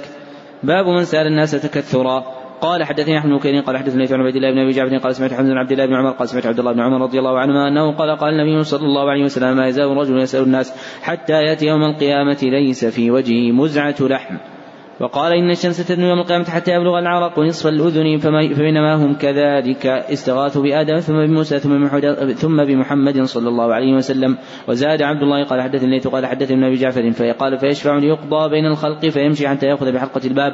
فيومئذ يبعثه الله مقاما محمودا يحمده أهل الجمع كلهم. وقال معلا حدثنا وهب عن نعمان بن راشد عبد الله بن مسلم أخي الزهري عن حمزة أنه سمع ابن عمر رضي الله عنهما عن النبي صلى الله عليه وسلم في المسألة. باب قول الله تعالى لا يسألون الناس إلحافا وكم الغنى وقول النبي صلى الله عليه وسلم لا يجد غنى يغنيه الفقراء الذين يحصلون في سبيل الله إلى قوله فإن الله به عليم. قال حدثنا حجاج بن هادي قال حدثنا شعبة قال أخبرني محمد بن زياد قال سمعت أبا هريرة رضي الله عنه عن النبي صلى الله عليه وسلم أنه قال ليس مسكين ترد الأكلة والأكلتان ولكن المسكين الذي ليس له غنى ويستحي أو لا يسأل الناس إلحافا. قال حدثنا يعقوب بن إبراهيم قال حدثني سمع بن علية قال حدثنا خالد بن حذاء عن ابن أشوع عن الشعبي أنه قال حدثني كاتب المغيرة بن شعبة أنه قال كتب معاوية المغيرة بن شعبة أن اكتب الي بشيء سمعته من النبي صلى الله عليه وسلم. فكتب إليه سمعت النبي صلى الله عليه وسلم يقول إن الله كره لكم ثلاثا قيل وقال وإضاء قيل وقال وإضاعة المال وكثرة السؤال. قوله حدثنا إسماعيل بن علية تقدم أن هذا أن هذه الكنية ابن ابن علية لراو واحد يذكر بها وهو إسماعيل بن إبراهيم بن مكسم الأسدي وعلية أمه فيقال إسماعيل بن علية وقوله عن ابن أشوع هذه الكنية عندهم لراو واحد يذكر بها وهو سعيد بن عمرو بن أشوع الهمداني. سعيد بن عمرو بن أشوع الهمداني. قوله عن الشعبي تقدم أن هذه نسبة لجماعة وهي عند الإطلاق لعامر بن شراحيل الشعبي وشعب بطن من همدان. قوله حدثني كاتب المغيرة ابن شعبة اسم هذا الكاتب وراد ويذكر تارة بلقبه كاتب المغيرة وتارة باسمه وراد الثقفي مولاهم. نعم. أحسن الله إليكم. قال حدثنا محمد بن غرير الزهري وقال حدثني يعقوب بن إبراهيم عن أبي عن صالح بن كيسان بن شاب قال أخبرني عمرو بن سعد عن أبي رضي الله عنه قال أعطى رسول الله صلى الله عليه وسلم رهطا جالس فيهم. قال فترك رسول الله صلى الله عليه وسلم منهم رجل لم يعطيهم وهو أعجبهم وهو أعجبهم إليه فقلت إلى رسول الله صلى الله عليه وسلم فساررته فقلت ما لك عن فلان؟ والله إني لأراه مؤمنا. قال أو مسلما. قال فسكت قليلا ثم غلب ما علموا فيه. فقلت يا رسول الله ما لك عن فلان؟ والله إني لأراه مؤمنا. أو قال مسلما. قال فسك أو قال مسلما قال فسكت قليلا ثم غلبني ما أعلم فيه فقلت يا رسول الله ما لك عن فلان والله إني لأراه مؤمنا أو قال مسلما يعني فقال إني لا أعطي الرجل وغيره أحب لي منه خشية أن يكب في النار على وجهه. وعن أبي عن صالح عن إسماعيل بن محمد أنه قال سمعت أبي يحدث هذا فقال في حديثه فضرب رسول الله صلى الله عليه وسلم يدي بجمع بين عنقي وكتفي ثم قال أقبل أي سعد إني لا أعطي الرجل. قال أبو عبد الله فكو قال أبو عبد الله فكبكبوا أقلبوا مكبا أكب الرجل إذا كان فعله غير قال أبو عبد الله. قال أبو عبد الله قال أبو عبد الله فكبكبوا. فكبكبوا. قلبوا أحسن الله إليكم. قال مكبا أكب الرجل إذا كان فعله غير واقع على أحد. فإذا وقع الفعل قلت قلت كبه الله لوجهه وكببته أنا. قال حدثني اسمع بن عبد الله قال حدثني مالك بن زيد عن رجع عن أبي هريرة رضي الله عنه أن رسول الله صلى الله عليه وسلم قال ليس المسكين الذي يطوف على الناس ترده اللقمة واللقمتان والتمرة والتمرتان ولكن المسكين الذي لا يجد غنى يغنيه ولا يفطن فيه فيتصدق عليه ولا يقوم فيسأل الناس. قال حدثنا عمر بن حفص بن غياث قال حدثنا أبي قال حدثنا عمش قال حدثنا أبو صالح عن أبي هريرة رضي الله عنه عن النبي صلى الله عليه وسلم أنه قال أن يأخذ أحدكم حبله ثم يغدو وأحسبه قال للجبل فيحتطب فيبيع فيأكل ويتصدق خير له من أن يسأل الناس. قال أبو عبد الله صالح بن كيسان أكبر من الزهري وهو قد أدرك ابن عمر رضي الله عنهما. باب خرص التمر. قال حدثنا سالم بن بكر قال حدثنا ابن عمرو بن يحيى عن عباس سعدي عن أبي حميد سعدي رضي الله عنه قال غزونا مع النبي صلى الله عليه وسلم غزوة تبوك فلما جاء وادي القرى. إذ امرأة في حديقة الله فقال النبي صلى الله عليه وسلم أصحاب اخرصوا وخرس رسول الله صلى الله عليه وسلم عشرة أوسق. فقال لها أحصي ما يخرج منها فلما اتينا تبوك. قال أما أنا ستهب الليلة ريح شديدة فلا يقومن أحد ومن كان معه بعير فليعقل. فعقلنا وبت ريح شديدة وقام رجل فألقته بجبل طيء وأهدى ملك وأيلة النبي صلى الله عليه وسلم. بغلة بيضاء وكساه بردا وكتب له وكتب له ببحرهم. فلما أتى وادي القرى قال المرأة كم جاء حديقتك؟ قالت عشرة أوسق خرص رسول الله صلى الله عليه وسلم. قال النبي صلى الله عليه وسلم إني متعجل المدينة. فمن أراد منكم أن يتعجل معي فليتعجل. فلما قال فلما قال ابن بكر كلمة مع فلما قال ابن بكر كلمة معناها أشرف على المدينة. قال هذه طابة فلما رأى أحد قال هذا جبيل يحبنا ونحب ولا أخبركم بخير. دور الأنصار. قالوا بلى. قال دور بني النجار ثم دور بني عبد الأشهل. ثم دور بني ساعدة أو دور بني الحارث من الخزرج. وفي كل دور الأنصار يعني خيرا. وقال سليمان بن بلال حدثني عمرو ثم دار من بني الحارث ثم بني ساعدة وقال سليمان عن سعد بن سعيد عن عمارة بن غزية عن عباس عن النبي عن النبي صلى الله عليه وسلم أنه قال أحد جبل يحبنا ونحبه. قال أبو عبد الله كل بستان عليه حائط فهو حديقة وما لم يكن عليه حائط لم يقل حديقة لم يقل حديقة. قوله في الحديث أما إنها ستهب الليلة ريح شديدة فلا يقومن أحد ومن كان معه بعير فليعقل. فيه أن السنة عند هبوب الرياح لزوم كل أحد موضعه وأن يعقل ماله لئلا يضيع. نعم. أحسن الله إليكم. قال رحمه الله تعالى باب العشر فيما يسقى من ماء السماء وبالماء الجاري ولم يرى عمر بن عبد العزيز في العسل شيئا. قال حدثنا سعيد بن أبي مريم قال حدثنا عبد الله بن أبي قال أخبرني يوسف بن يزيد عن الزهري عن سعيد بن عبد الله عن أبيه رضي الله عنه عن النبي صلى الله عليه وسلم أنه قال فيما سقت السماء والعيون وكان عثرين العشر وما سق بالنضح نصف العشر. قال أبو عبد الله هذا تفسير الأول لأنه لم يوقت في الأول يعني حديث ابن عمر رضي الله عنهما فيما سقت السماء والعشر وبين في هذا وقت والزياده مقبولة والمفسر يقضي عن المبهم. إذا رواه أهل الثبت كما روى الفضل بن عباس النبي صلى الله عليه وسلم صلى في الكعبه وقال بلا قد صلى فأخذ بقول بلال من ترك قول الفضل. باب ليس فيما دون خمسة أوسق صدقة. قوله باب ليس هذه الترجمة من أمهات التراجم عند البخاري ذكرها في ثلاثة عشر موضعا. نعم. أحسن الله إليكم. قال حدثنا مسدد قال حدثنا يحيى قال حدثنا مالك قال حدثنا محمد عبد الله بن عبد الرحمن بن أبي صعصعة عن أبي الخدري رضي الله عنه عن النبي صلى الله عليه وسلم أنه قال ليس فيما أقل من خمسة أوسق صدقة ولا في ولا في أقل من خمسة من الإبل الزوج صدقة. ولا في أقل من خمس اواق من الورق صدقة. قال أبو عبد الله هذا تفسير الأول إذا قيل ليس فيما دون خمسة أوسق صدقة ويؤخذ أبدا في العلم بما زاد أهل الثبت أو بينوا. باب أخذ صدقة التمر عند صرام النخل وهل يترك الصبي فيمس تمر الصدقة؟ قال حدثنا عمر بن محمد بن حسن السدي وقال حدثنا أبي قال حدثنا إبراهيم طبعا عن محمد بن زيد عن أبي هريرة رضي الله عنه أنه قال كان رسول الله صلى الله عليه وسلم يؤتى بالتمر عند صرام النخل ويجيء هذا بتمره وهذا من تمره حتى يصير عنده كوما من من تمر فجعل الحسن والحسين رضي الله عنهما نعمل من ذلك التمر فأخذ أحدهما تمرة فجعله في فيه فنظر إليه رسول الله صلى الله عليه وسلم فأخرج من فيه فقال ما علمت أن آل محمد صلى الله عليه وسلم لا يأكلون الصدقه. قوله باب أخذ صدقة التمر عند صرام النخل صرام النخل هو جده وذلك بجمع ثمره من رؤوسه. نعم. أحسن الله إليكم. قال رحمه الله تعالى باب من باع ثماره أو نخله أو أرضه أو زرعه وقد وجب فيه العشر في الصدقة وأدى زكاة من غيره أو باع ثماره ولم تجب فيه ولم تجب فيه الصدقة وقول النبي صلى الله عليه وسلم لا تبيع الثمرة حتى يبدو صلاحها فلم يحضر البيع بعد الصلاح على أحد ولم يقص من وجب عليه الزكاة ممن لم تجب. قال حدثنا حجاج قال حدثنا شعبة قال أخونا عبد الله بن دينار أنه قال سمعت ابن عمر رضي الله عنه أنه قال نهى النبي صلى الله عليه وسلم عن التمرة حتى يبدأ صلاحها وكان إذا سئل عن صلاحها قال حتى تذهب عاهته. قال حدثنا عبد الله بن يوسف قال حدثني الليث قال حدثني خالد بن يزيد عن عطاء بن أبي رباح عن جابر بن عبد الله رضي الله عنه أنه قال نهى النبي صلى الله عليه وسلم التمر حتى يبدو صلاحها. قال حدثنا قتيبة عن مالك أحمد عن أنس رضي الله عنه أن رسول الله صلى الله عليه وسلم نهى التمر حتى تزهي قال حتى تحمار باب هل يشتري صدقته ولا أن يشتري صدقته غيره لأن النبي صلى الله عليه وسلم نهى إنما نهى المتصدق خاصة عن الشراء ولم ينهى غيره. قوله باب هل تقدم أنها من أمهات التراجم عند البخاري وأنه ذكرها في خمسة وخمسين موضعا. نعم. أحسن الله إليكم قال حدثنا يحيى بن بكير قال حدثنا عن قال عن شاب عن سالم بن عبد الله بن عمر رضي الله عنهما كان يحدث عن الخطاب رضي الله عنه صدق فرس في سبيل فجاء يباع فراد ان يشتريه ثم أتى النبي صلى الله عليه وسلم فاستأمره بقلت عند صدقتك وذلك كان ابن عمر رضي الله عنه لا يترك أن يمتع شيئا تصدق به إلا جعله صدقة. قوله عن عقيل تقدم أن هذا الاسم مصغرا وقع في راويين من رواة الستة أحدهما عقيل بن خالد الأيلي والآخر يحيى بن عقيل البصري وما عداهما فمكبر نعم.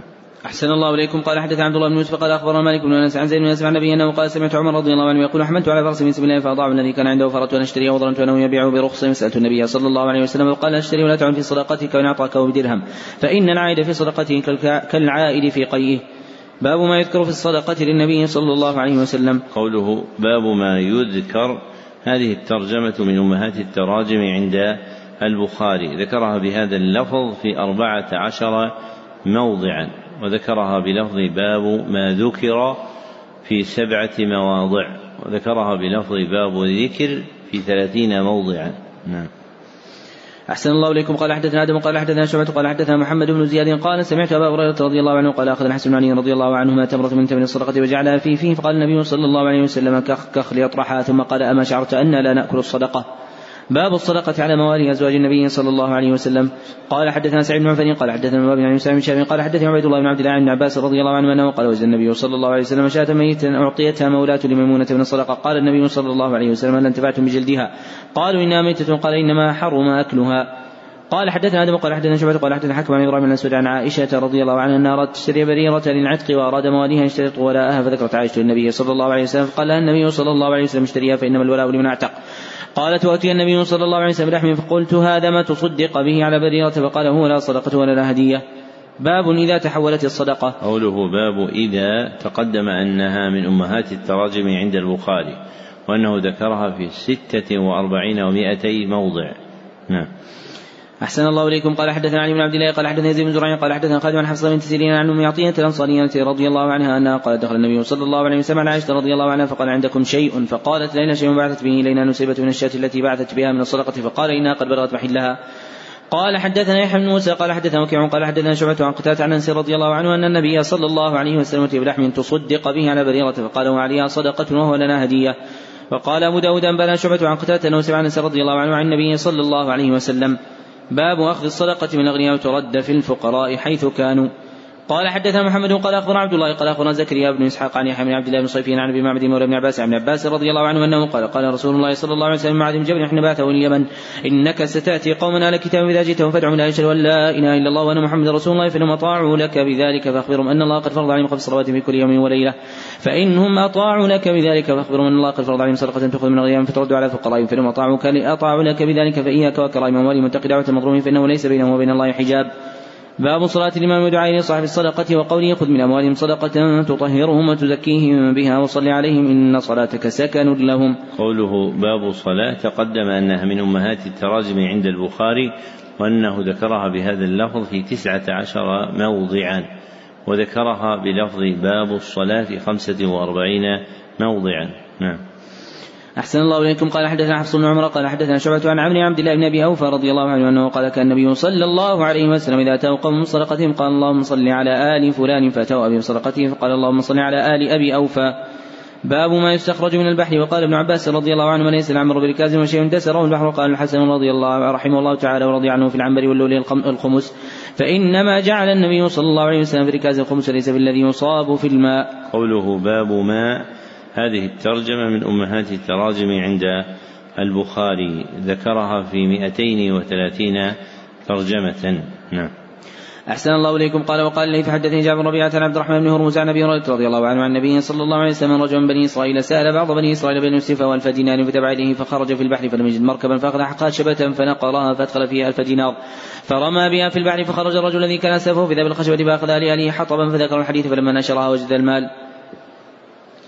باب في الركاز الخمس. قال مالك بن إدريس الركاز دفن الجاهلية في قليل وكثير الخمس وليس المعدن بركاز وقد قال النبي صلى الله عليه وسلم المعدن جبار في الركاز الخمس. وأخذ عمر بن عبد العزيز من المعدن من كل مئتين خمسة. وقال الحسن ما كان من ركاز في أرض الحرب فيه الخمس وما كان من أرض السلم فيه الزكاة وإن وجدت اللقطة في أرض العدو فعرفها وإن كانت في العدو فيها الخمس. وقال بعض الناس المعدن المعدن ركاز مثل دفن الجاهلية لأنه يقال اركز المعدن إذا خرج منه شيء قيل له قد يقال لمن وهب له شيء أو ربح ربحا كثيرا أو كثر ثمره أركز أركزت ثم ناقض وقال لا بأس أن يكتمه فلا يؤدي فلا يؤدي الخمس. قوله باب في هذه الترجمة من أمهات التراجم عند البخاري. ذكرها في ستة وعشرين موضعا. وذكر تفسير الركاز عن مالك وابن إدريس يعني الشافعية. فقال الركاز أنهما قال الركاز دفن الجاهلية في قليله وكثير الخمس. والدفن بمعنى المدفون فهو مدفون الجاهلية المال المدفون في الجاهلية. وقول البخاري وقال بعض الناس مما شهر أنه أراد بذلك الحنفية وصنفت في ذلك رسائل كثيرة. نعم. أحسن الله إليكم. قال حدثنا عبد الله بن يوسف قال أخبرنا مالك عن بن سعيد بن مسيب وعن أبي سلمة بن عبد الرحمن عن أبي هريرة رضي الله عنه أن رسول الله صلى الله عليه وسلم قال عجمه جبار والبئر جبار والمعدن جبار في ركاز الخمس. باب قول الله تعالى والعامل عليها ومحاسبة المصدقين مع الإمام. قال حدثنا يوسف بن موسى قال حدثنا أبو سلمة قال أخبرني هشام بن عروة عن ابي عن أبي حميد السعدي رضي الله عنه أنه قال استعمل رسول الله صلى الله عليه وسلم رجلا من الاسد على صدقات بني سليم يدعى ابن اللتبيه فلما جاء حاسبه. باب استعمال ابل الصدقه والبانها لأبناء السبيل. قال حدثنا مسلم قال حدثنا يحيى بن شعبة قال حدثنا قتادة عن أنس رضي الله عنه. الناس من عرينة تجتوي المدينة.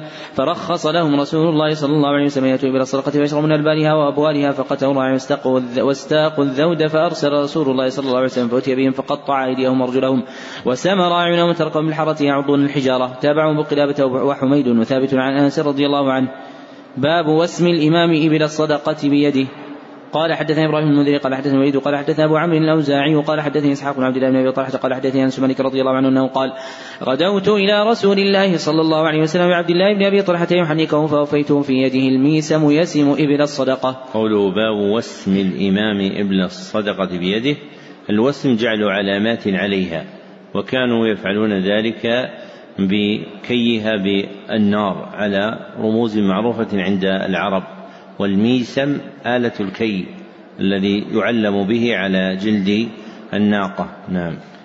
أحسن الله إليكم. قال رحمه الله تعالى بسم الله الرحمن الرحيم. باب فرض صدقة الفطر وراء أبو العالية وعطاء وابن سيرين صدقة الفطر فريضة. ورأى أبو العالية وعطاء وابن سيرين صدقة الفطر فريضة. قال حدثنا يحيى بن محمد بن السكني قال حدثنا محمد بن جهضم قال حدثنا إسماعيل بن جعفر عن عمر بن نافع عن ابي عن عمر رضي الله عنه أنه قال فرض رسول الله صلى الله عليه وسلم زكاة فطر صاع من تمر وصاع من شعير عن العبد والحر والذكر والأنثى والصغير والكبير والمسلمين وآمر بها أن تؤدى قبل خروج الناس إلى الصلاة. باب صدقة الفطر على العبد وغيره من المسلمين. قال حدثنا عبد الله بن يوسف قال أخبرنا مالك عن نافع بن عمر رضي الله عنه أن رسول الله صلى الله عليه وسلم فرض زكاة فطر صاع من تمر وصاع من شعير على كل حر أو عبد ذكر أو أنثى من المسلمين. باب صاع من شعير. قال حدثنا قبيصة قال حدثنا سفيان عن زيد بن اسماء عن عياض بن عبد الله عن أبي سعيد رضي الله عنه أنه قال كنا نطعم الصدقة صاعا من شعير. باب صدقة الفطر صاعا من طعام. قال حدثنا عبد الله بن يوسف قال أخبرنا مالك عن زيد بن اسلم عن عياض بن عبد الله بن سعد بن أبي صرح العابدي أنه سمع سعد الخدري رضي الله عنه يقول كنا نخرج زكاة الفطر صاع من طعام وصاع من شعير وصاع من تمر وصاع من أقط وصاع من زبيب. باب صدقة الفطر صاع من تمر. قال حدثنا أحمد بن يونس قال حدثنا الليث عن نافع عن عبد الله قال أمر النبي صلى الله عليه وسلم الفطر صاع من تمر وصاع من شعير. قال عبد الله رضي الله عنه فجعل الناس عندهم مدين من حنطة. باب صاع من زبيب. قال حدثنا عبد الله بن ابن منير أنه سمع يزيد العدني قال حدثنا سفيان عن زيد بن أسلم أنه قال حدثني عياض بن عبد الله بن أبي سرح النبي سعيد الخدري رضي الله عنه أنه قال كنا نعطيها في زمان النبي صلى الله عليه وسلم صاع من طعام وصاع من تمر وصاع من شعير وصاع من زبيب. فلما جاء معاوية وجاءت السمراء قال مرى مد من هذا يعدل مدين باب الصدقة قبل العيد. قال حدثنا آدم قال حدثنا حفص بن ميسرة قال حدثنا موسى بن عقبة عن نافع بن عمر رضي الله عنه أن النبي صلى الله عليه وسلم أمر بزكاة الفطر قبل خروج الناس إلى الصلاة. قال حدثنا معاذ بن فضالة قال حدثنا أبو عمر عن زيد عن عياض بن عبد الله بن سعد عن أبي سعيد الخدري رضي الله عنه أنه قال كنا نخرج في عهد رسول الله صلى الله عليه وسلم يوم الفطر صاع من طعام. وقال أبو سعيد وكان طعامنا الشعير والزبيب والأقط والتمر. قوله حدثنا معاذ. تقدم أن صورة هذه الكلمة عندهم آخرها ذال. إلا في راو واحد وقع آخرها نون وهو معان بن رفاعة السلامي ويقع مصحفا أحيانا ذالا. نعم. أحسن الله إليكم قال رحمه الله تعالى باب صدقة الفطر عن الحر والمملوك وقال الزهري في المملوك إن التجارة يزكى في التجارة ويزكى في الفطر قال حدثنا ابن نعمان قال حدثنا حمال بن زيد قال حدثنا أيوب عن نافع بن عمر رضي الله عنه أنه قال فرض النبي صلى الله عليه وسلم صدق الفطر وقال رمضان عندك من الانثى والحر والمملوك صاع من تمر وصاع من شعير. فعدل الناس به نصف صاع من بر فكان ابن عمر رضي الله عنه يعطي التمر فأعوز أهل المدينة من التمر فأعطى شعيرا فكان ابن عمر رضي الله عنه يعطي عن الصغير والكبير حتى إن كان يعطي عن بنية وكان ابن عمر رضي الله عنه يعطيها الذين يقبلونها وكانوا يعطون قبل الفطر بيوم أو يومين. باب صدقة الفطر على الصغير والكبير. قال حدثنا مسدد قال حدثني أحمد بن الله قال حدثني نافع بن عمر رضي الله عنه أنه قال فرض رسول الله صلى الله عليه وسلم صدقة الفطر صاع من شعير وصاع من تمر على الصغير والكبير والحر والمملوك. كتاب الحج بسم الله الرحمن الرحيم. باب وجوب الحج وفضله. كتاب الحج من هنا ينزل الإسناد درجة. فعبد العزيز بن أحمد بن عبد الرحيم الدهلوي سمع البخاري على أبيه من أوله إلى كتاب الحج ثم توفي أبوه وأتمه على خلفاء أبيه وأشهرهم محمد أمين الكشميري فصار يرويه عن محمد بن الكشميري قراءة عن أبيه قراءة ببقية إسناده. وهذا يفيد أن المرء ينبغي أن يهتبل الأخذ عن الشيوخ قبل أن يفوت وخاصة أبناؤهم وأهليهم فإن هذا يقع فيهم كثيرا. تجد العالم يكون بين أهله مدة ثم يقصرون في الأخذ عنه فلا ينتبهون إلا إذا مات فيكون قد فاتهم.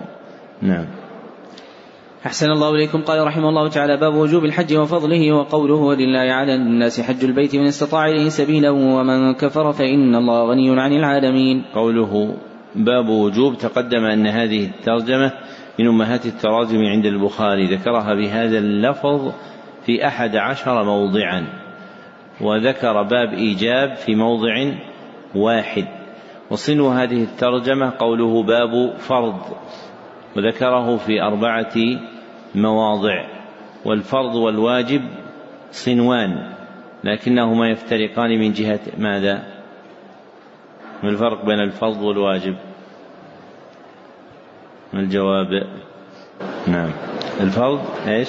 أيوه والواجب جهة فعل اللي يتكلم هناك والفرق بينهما الذي دل عليه القرآن والسنة أن الفرض اسم للحكم الشرعي باعتبار صدوره من الله سبحانه وتعالى. لذلك قال سورة أنزلناها وفرضناها. وقال في المواريث فريضة من من الله. وأما الواجب فهو اسم للحكم باعتبار تعلقه بالعبد. وفي حديث أبي سعيد الخدري عند السبعة أن النبي صلى الله عليه وسلم قال غسل يوم الجمعة واجب على كل محتلم. والواجب هنا بالمعنى الذي اصطلح عليه الأصوليون والفقهاء خلافا لما ذهب إليه ابن رجب وجماعة من أنه ليس بهذا المعنى. والذي يدل على ذلك أنه في خطاب الشرع بالمعنى الذي عند الفقهاء. حديث أبي هريرة في الصحيح أيها الناس إن الله كتب عليكم الحج فحجوا فقالوا أفي كل عام يا رسول الله؟ فقال لو قلت نعم إيش؟ لوجبت. يعني صارت لازمة لكم. هذه مباحث أصولية دلت عليها الأوضاع الشرعية خلافا لتصرف أكثر الأصوليين لأن الأصوليين عندهم نقص في معرفة المرويات من الأحاديث النبويات فضلا عما روي من الآثار عن الصحابة والتابعين. وعلم أصول الفقه مفتقر إلى الدلالات الشرعية من الأحاديث من الآيات والأحاديث خاصة الأحاديث والآثار. نعم.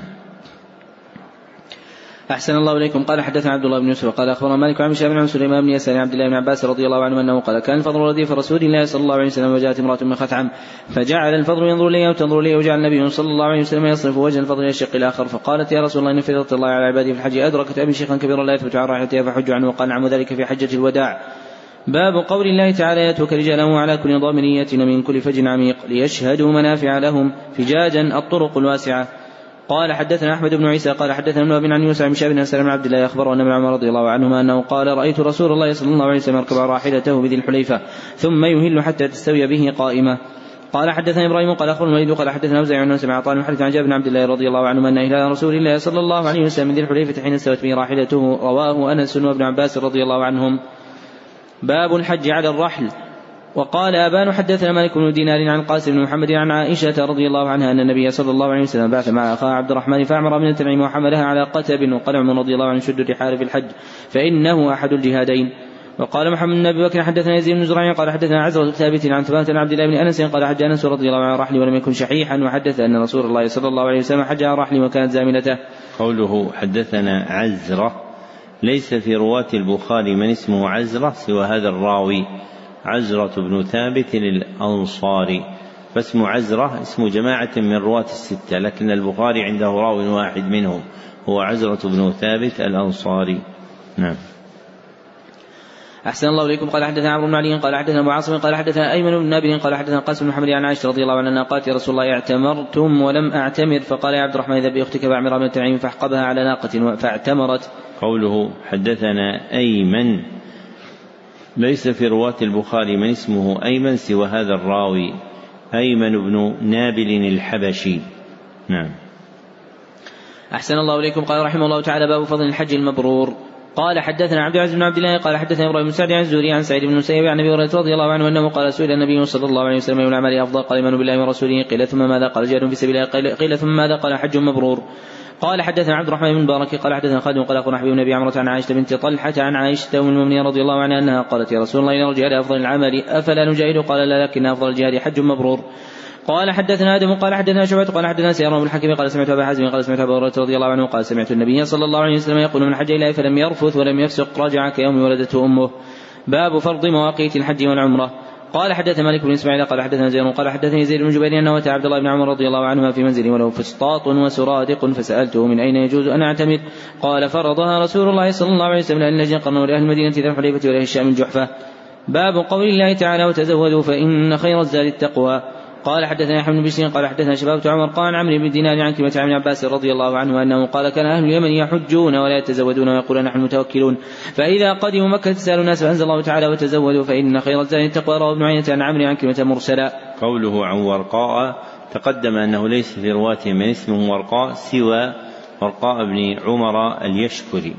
وقوله حدثنا شبابه تقدم أنه ليس في رواته من اسمه شبابه سوى شبابة بن سوار المدائني وهذا هو الأثر الذي أشرنا إليه أن البخاري رواه من حديث ورقاء عن عمرو بن دينار عن عكرمة عن ابن عباس ثم قال ورواه ابن عيينة عن عمرو عن عكرمة مرسلا.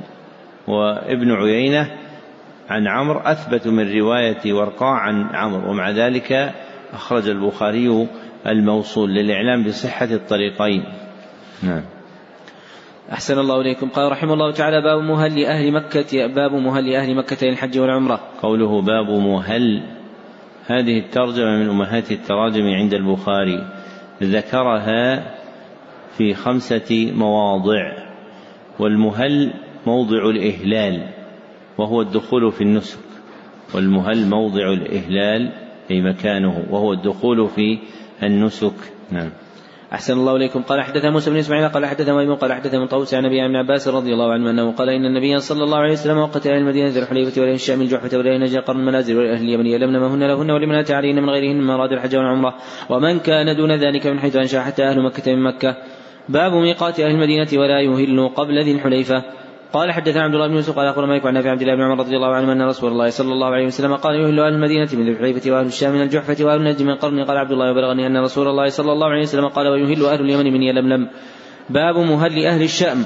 قال حدثنا مسدد قال حدثنا حماد بن عمرو بن دينار عن طاووس عن عباس رضي الله عنه أنه قال وقت رسول الله صلى الله عليه وسلم المدينة الحليفة ولاهل الشام الجحفه ولأهل نجد قرن المنازل ولاهل اليمن يلملم فهن لهن ولما اتى عليهن من غير أهلهن من كان يريد الحج والعمرة من كان دونهن فمهله من أهله وكذاك حتى أهل مكة يهلون منها. باب مهل أهل نجد.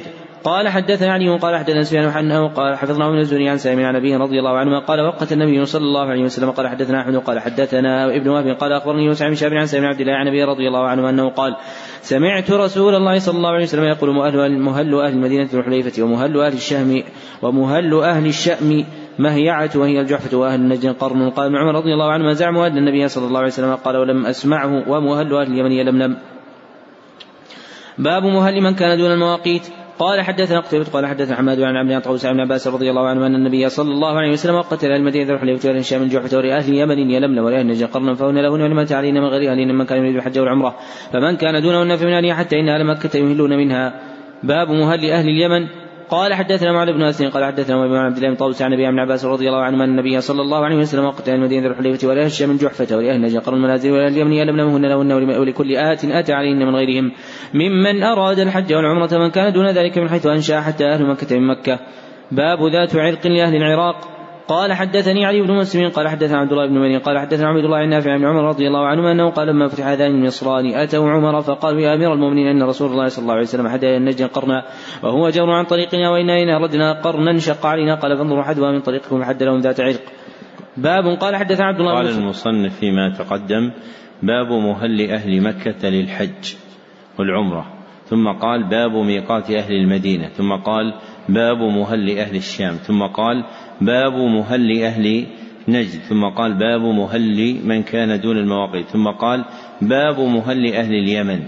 ثم لما جاء إلى العراق قال باب ذات عرق لأهل العراق. ولم يقل باب مهل أهل العراق ولا باب ميقات أهل العراق. لماذا؟ لم ينص الحديث.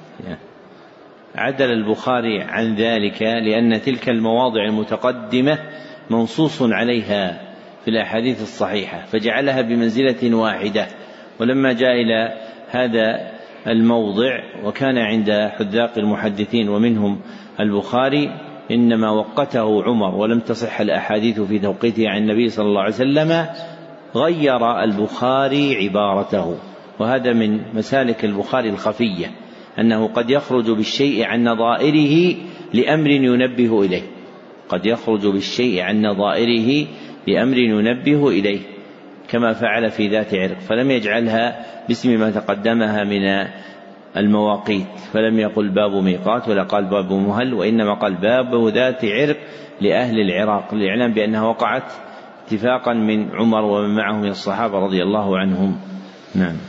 أحسن الله إليكم. قال رحمه الله تعالى باب حدثنا إسحاق بن راهويه لما دخل على ابن طاهر قال له ألا أريك أيها الأمير سحرا؟ ثم عرض عليه كتاب التاريخ الكبير للبخاري وهو في التراجم. فالبخاري رحمه الله تعالى أوتي ذكاء في حسن التصنيف سواء في الصحيح أو في كتابه التاريخ الكبير. فهي كتب مطبوعة على ذكاء وفطنة ويحتاج الإنسان كي يستفيد منها إلى آلة وثيقة في العلم. فهذا يستفيد منها استفادة كبيرة. نعم. أحسن الله إليكم. قال رحمه الله تعالى باب حدثنا عبد الله بن يوسف قال أخبر مالك عن نافع عبد الله بن عمر رضي الله عنه أن رسول الله صلى الله عليه وسلم ناقل بأصحاب ذي الحليفة فصلى بها وكان عبد الله بن عمر رضي الله عنهما يفعل ذلك. باب خروج النبي صلى الله عليه وسلم على طريق الشجرة. قوله باب خروج هذه الترجمة من أمهات التراجم عند البخاري ذكرها بهذا اللفظ. باب خروج في سبعة مواضع وذكرها في موضع واحد باب الخروج. نعم. أحسن الله إليكم. قال حدث أبو بن المنذر قال حدث أنس بن عياض عبيد الله عن نافع عبد الله بن عمر رضي الله عنه أن رسول الله صلى الله عليه وسلم كان يخرج من طريق الشجرة ويدخل من طريق المعرس وأن رسول الله صلى الله عليه وسلم كان إذا خرج إلى مكة يصلي في مسجد الشجرة وإذا رجع صلى بذي الحليفة ببطن الوادي وبات حتى يصبح. باب قول النبي صلى الله عليه وسلم العقيق وادي مبارك. قوله باب قول النبي صلى الله عليه وسلم تقدم أن هذه الترجمة من أمهات التراجم عند البخاري. وأنه ذكرها بهذا اللفظ في ثمانية وستين موضعا. نعم. أحسن الله إليكم. قال حدثنا أحمد قال حدثنا الوليد وبشر بن بكر التنيسي قال حدثنا أوزعي قال حدثني يحيى قال حدثني عن كلمة أنه سمع عباس رضي الله عنهما يقول أنه سمع عمر رضي الله عنه يقول سمعت النبي صلى الله عليه وسلم وادي عقيق يقول أتاني الليلة أتي من ربي؟ فقال صلي في هذا الوادي المبارك. وقل عمرة في حجة. من تصرفات البخاري الخفية أنه إذا قرن حديث جماعة من شيوخه يقدم الأعلى عنده فالحميدي هو أعلى شيوخه عنده في المقرونين ووقع هذا منه في مواضع يذكر مع الحميدي غيره لكنه يقدم الحميدي. نعم. أحسن الله إليكم. قال حدثنا محمد بن أبي بكر قال حدثنا فضيل بن سليمان قال حدثنا موسى بن عقبة قال حدثني سيدنا عبد الله النبي رضي الله عنه عن النبي صلى الله عليه وسلم أنه رؤي وهو في معرس بذي الحليفة ببطن الوادي قيل له إنك ببطحاء مباركة. أنه رؤي وهو في معرس بذي الحليفة ببطن الوادي قيل له إنك ببطحاء مباركة. وقد دخل بنا سالم يتوخى بالمناخ الذي كان عبد الله ينيخ ويتحرى معرس رسول الله صلى الله عليه وسلم وهو أسفل من المسجد الذي بطن الوادي بينه وبين الطريق وسط من ذلك. باب غسل الخلوق ثلاث مرات من الثياب. قوله باب غسل تقدم أن هذه الترجمة من أمهات التراجم عند البخاري. ذكرها بلفظ باب غسل في سبعة عشر موضعا وذكرها معرفة باب الغسل في أربعة مواضع. نعم. أحسن الله إليكم. قال رحمه الله تعالى قال أبو عاصم أخبرهم جريج قال أخبرني عطاء بن صواب على أخبرنا على قال عمر رضي الله عنه وأذن النبي صلى الله عليه وسلم حين يحيي قال فبينما النبي صلى الله عليه وسلم بالجعرانة ومع ابن من أصحابه جاءه رجل قال يا رسول الله كيف ترى في رجل يحرم عمرته ومتضمخ بطيب فسكت النبي صلى الله عليه وسلم ساعة؟ فجاءه الوحي فأشار عمر رضي الله عنه لا يعلى فجاء يعلى وعلى رسول الله صلى الله عليه وسلم ثم قال ظل به فأدخل رأسه. فأدخل رأسه فإذا رسول الله صلى الله عليه وسلم محمر الوجه وهو يغط ثم سري عنه فقال إن الذي سأل عن العمرة فأتي برجل فقال أغسل الطيب الذي بك قال ثلاث مرات وانزع عنك الجبة فأغسل الطيب الذي بك ثلاث مرات وانزع عنك الجبة واصنع في عمرتك كما تصنع في حجتك قلت لعطاء إن أراد إنقاء حين أمر أن يغسل ثلاث مرات قال نعم قال أبو عاصم من أبو عاصم هذا؟ الضحاك بن مخلد وهو من شيوخ البخاري. طيب لماذا فعل البخاري هذا؟ الذي يظهر الله أعلم أن البخاري له عن شيوخه ثلاثة ألفاظ. أحدها أن يقول حدثنا أو أخبرنا. فهذا مما سمعه منه أو قرأه عليه صراحة في مجلس التحديث. وثانيها أن يقول قال لنا أو قال لي أو ذكر لنا. وهذا مما سمعه في مجلس المذاكرة. والثالث أن يقول عنهم قال فلان ويكون من قال عنه من شيوخه. وهذا وقع في مواضع من البخاري. أشهرها حديث المعازف قال هشام بن عمار. والأظهر والله أعلم أن هذا مما أخذه البخاري من كتب شيوخه. أنه مما أخذه البخاري من كتب شيوخه. ولذلك يحكم بكونه موصولا. نعم. أحسن الله إليكم. قال رحمه الله تعالى باب الطيب عند الإحرام وما يلبس. البخاري الله يرحمه مات وترك الناس حيارى في هذا. يعني هذه المواضع تجدها وتجد فيها إشكالات. حتى أن ابن حجر مر عليه في غير موضع في أول الكتاب قال لنا ولم يذكر فيها معنى. ثم بعد ذلك قال تبين لي أن هذا مما يكون يذكره في المذاكرة. نعم.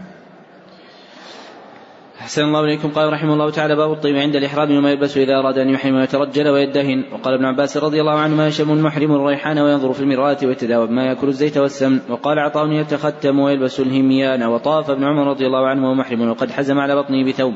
ولم تر عائشة رضي الله عنها بالتبان بأس للذين يرحلون للذين يرحلونه دجها قوله باب الطيب هذه الترجمة من أمهات التراجم عند البخاري. ذكرها في خمسة مواضع. وقال في موضع سادس باب طيب منكرا. نعم.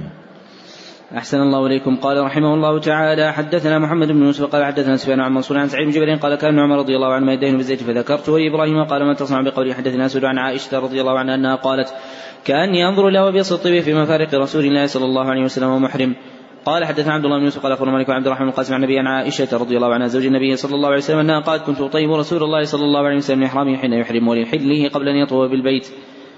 من أهل ملبدا. قوله رحمه الله من أهل ملبدا التلبيد جمع شعر الرأس بما يضمه كعسل وغيره.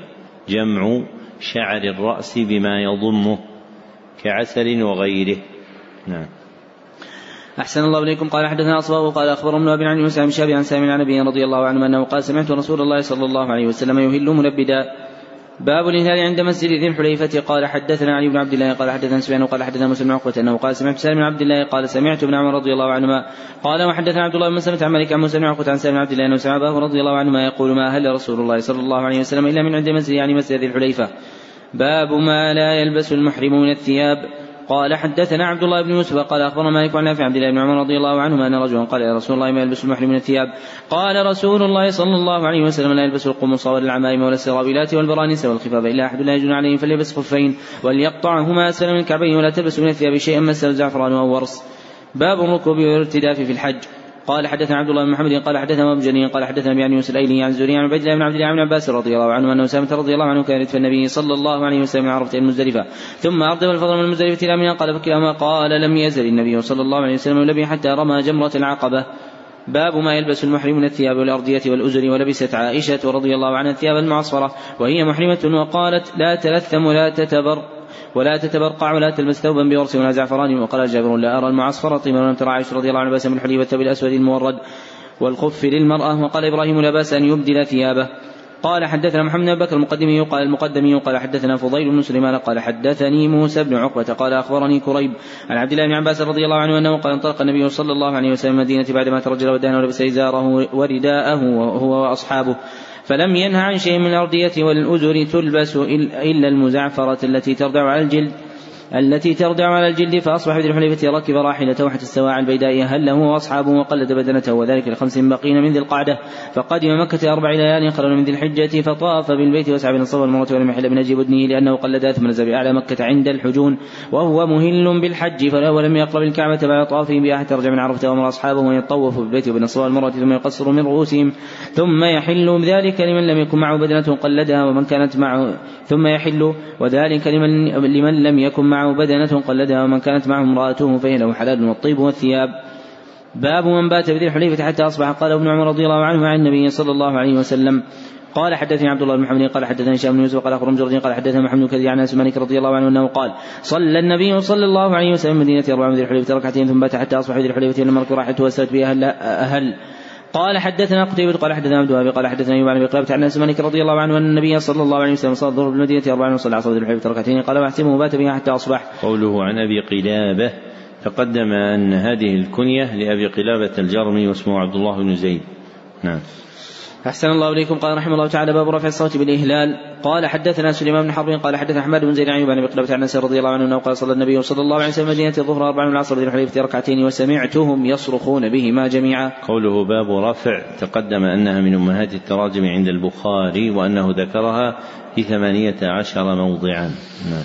أحسن الله إليكم قال رحمه الله تعالى باب التلبية قال حدثنا عبد الله بن يوسف قال أخبرنا مالك عن نافع عبد الله بن عمر رضي الله عنه من تلبيه رسول الله صلى الله عليه وسلم لبيك اللهم لبيك لبيك لا شريك لك لبيك إن الحمد والنعمة لك والملك لا شريك لك. قال حدثنا محمد يوسف قال حدثنا سفيان عن مثل ما قرأ القارئ لبيك اللهم لبيك لبيك لا شريك لك لبيك إن الحمد والنعمة لك والملك. فلبيك في أول كل جملة ومن الخطأ قول الناس لبيك لا شريك لك لبيك إن الحمد والنعمة لك والملك. نعم. أحسن الله إليكم. قال حدثنا محمد يوسف قال حدثنا سفيان عن عمش عن عمارة بن أبي عطية عن عمارة عن أبي عطية عن عائشة رضي الله عنها أنها قالت إني لا أعلم كيف كان النبي صلى الله عليه وسلم لبي لبيك اللهم لبيك لبيك لا شريك لك لبيك إن الحمد والنعمة لك. تابع أبو معاوية عن عمش وقال شعبة وقال أخبرنا سليمان قال سمعت خيثمة عن أبي عطية أنه قال سمعت عائشة رضي الله عنها. باب التحميل والتسميع والتكبير قبل الإهلال عند الركوب على الدابة. قال حدثنا موسى بن إسماعيل قال حدثنا أبي قال حدثنا أيوب عن مقلبة عن أنس رضي الله عنه أنه قال صلى رسول الله صلى الله عليه وسلم ونحن معه بالمدينة الظهر اربعا والعصر بذي الحليفه ركعتين ثم مات بها حتى أصبح ثم ركب حتى استوت به على البيداء حمد الله وسبح وكبر ثم بحج وعمرة وأهل الناس به بهما فلما قدمنا أمر الناس أمر الناس فحلوا حتى كان يوم التروية اهلوا بالحج قال ونحر النبي صلى الله عليه وسلم بدنات بيده قياما وذبح رسول الله صلى الله عليه وسلم بالمدينة كبشين املحين قال أبو عبد الله قال بعضهم هذا عن أيوب عن رجل عن أنس رضي الله عنه. باب من أهل حين استوت به راحلته. قال حدث ابو عاصم قال أخبرنا من قال أخبرني أبو صالح بن كيسان عن نافع عن عمر رضي الله عنه أنه قال هل النبي صلى الله عليه وسلم حين سالت به راحلته قائمة؟ باب الهلال مستقبل القبلة وقال أبو معمر حدثنا عبد الوارث قال حدثنا ايوب عن نافع قال كان عمر رضي الله عنه اذا صلى بالغداة بن حليفة من راحلته فروحل ثم ركب فإذا استوت به استقبل القبلة قائما ثم يلبي حتى يبلغ المحر حتى يبلغ المحرم ثم يمسكه حتى إذا جاء ذا طوى بات به حتى يصبح فإذا صلى الغداة اغتسل وزعم أن رسول الله صلى الله عليه وسلم فعل ذلك تبع إسماعيل وعن ايوب في الغسل. قوله في الإسناد المتقدم قال قال أبو عبد الله قال بعضهم هذا عن أيوب عن رجل عن أنس هذا من طرائق البخاري أيضا أنه ينبه إلى أن هذا الإسناد لا يعل الإسناد المتقدم وأنه محفوظ وأن الحديث أيوب عن أبي قلابة عن أنس فلا يعل بروايته مبهما في الطريق الآخر. نعم.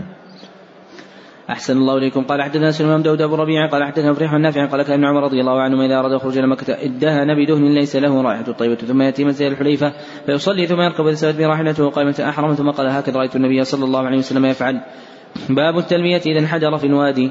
قال حدثنا محمد بن مثنى قال حدثني ابن أبي عدي عن عن عن مجاهد قال كنا عند ابن عباس رضي الله عنهما فذكر الدجال انه قال مكتوب بين يديه بين عينيه كافر وقال ابن عباس رضي الله عنه ما أسمع ولكنه قال أما موسى كأن ينظر إليه إذا انحدر في الوادي يلبيه. قوله حدثني ابن أبي عدي تقدم أن هذه الكنية عندهم لراو واحد هو محمد بن إبراهيم ابن أبي عدي. نعم. أحسن الله إليكم قال رحمه الله تعالى باب كيف تهن الحائض والنفساء أهل تكلم به واستهللنا وأهللنا الهلال كله من الظهور واستهل المطر وخرج من أصحابه وما أهل غير الله به وهو من استهلال الصبي قال حدث عبد الله بن سعد قال حدثنا مالك عن شهاب بن عمرة بن زبير عن عائشة رضي الله عنها زوج النبي صلى الله عليه وسلم أنها قد خرج مع النبي صلى الله عليه وسلم حتى بدأ فلنا بعمرة ثم قال النبي صلى الله عليه وسلم من كان معه هدي فليمل بالحج مع العمرة ثم لا يحل حتى يحل منهما جميعا فقدمت مكة وأنا حائض ولم البيت ولا بن الصوم المرة فاشكر ذلك إلى النبي صلى الله عليه وسلم وقال انقضي راسك وامتشطي واهل بالحج ولا العمرة. ففعلت فلما قضي الحج أرسل النبي صلى الله عليه وسلم عبد الرحمن بن بكر من التنعيم فاعتمرت. فقال هذه مكان عمرتك قالت فطاف الذين كانوا أهل بالعمرة بالبيت وبين الصفا والمروة. ثم حلوا ثم طافوا طافا واحدا بعد أن رجعوا من وأما الذين جمعوا الحج والعمرة فإنما طافوا طوافا واحدا باب من أهل في زمن النبي صلى الله عليه وسلم كهلال النبي صلى الله عليه وسلم قال ابن عمر رضي الله عنه مع النبي صلى الله عليه وسلم قال حدثني المكي بن إبراهيم عن مجرد قال قال عطاء قال جابر رضي الله عنه أمر النبي صلى الله عليه وسلم علي رضي الله عنه يقيم على إحرامه وذكر قول سراقة. قوله حدثنا المكي تقدم أنه ليس في رواية من اسمه المكي سوى المكي بن إبراهيم التميمي. نعم. أحسن الله إليكم. قال حدثنا حسن علي قال الهذلي قال حدثنا عبد الصمد قال حدثنا سليم بن حيان قال سمعت مروان الأصفر عن أنس مالك رضي الله عنه وقال قدم علي رضي الله عنه عن النبي صلى الله عليه وسلم لمن فقال ما أهلت قال ما أهل به النبي صلى الله عليه وسلم وقال لولا أن معي الهادي لأحللت وزاد محمد بن بكر عن مجرد قال قال له النبي صلى الله عليه وسلم أهلت يا علي. قال بما أهل به النبي صلى الله عليه وسلم؟ قال فأهدي وامكث حراما كما أنت. قال حدثنا سليم. سليم ولا سليم؟ الجواب. نعم سليم. ما القاعدة؟ ها. لين إيش؟ أحسن. هذا القاعدة. القاعدة أنه سليم إلا في راو واحد هو سليم بن حيان البصري. هذه فوائد فوائد القواعد. أنه هذه القاعدة تدل على أنه سليم وليس سليم. نعم. مثل ما وقع عندنا مثلا في الموطأ عن أبي قتادة السلمي الصواب السلمي وأن كل ما في الموطأ هو السلمي نسبة إلى بني سلمة من الأنصار وأما السلمي نسبة إلى بني سليم هذا لم يقع في الموطأ أبدا. نعم.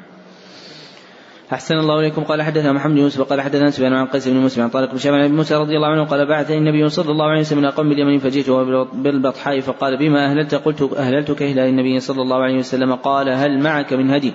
قلت لا فأمرني بطوف البيت وبالصفا والمروة ثم أمرني فحللت فأتيت امرأة من قومي فمشطتني أو أو غسلت رأسي فقدم عمر رضي الله عنه فقال إن نأخذ بكتاب الله عز وجل فإنه يأمرنا بالتمام.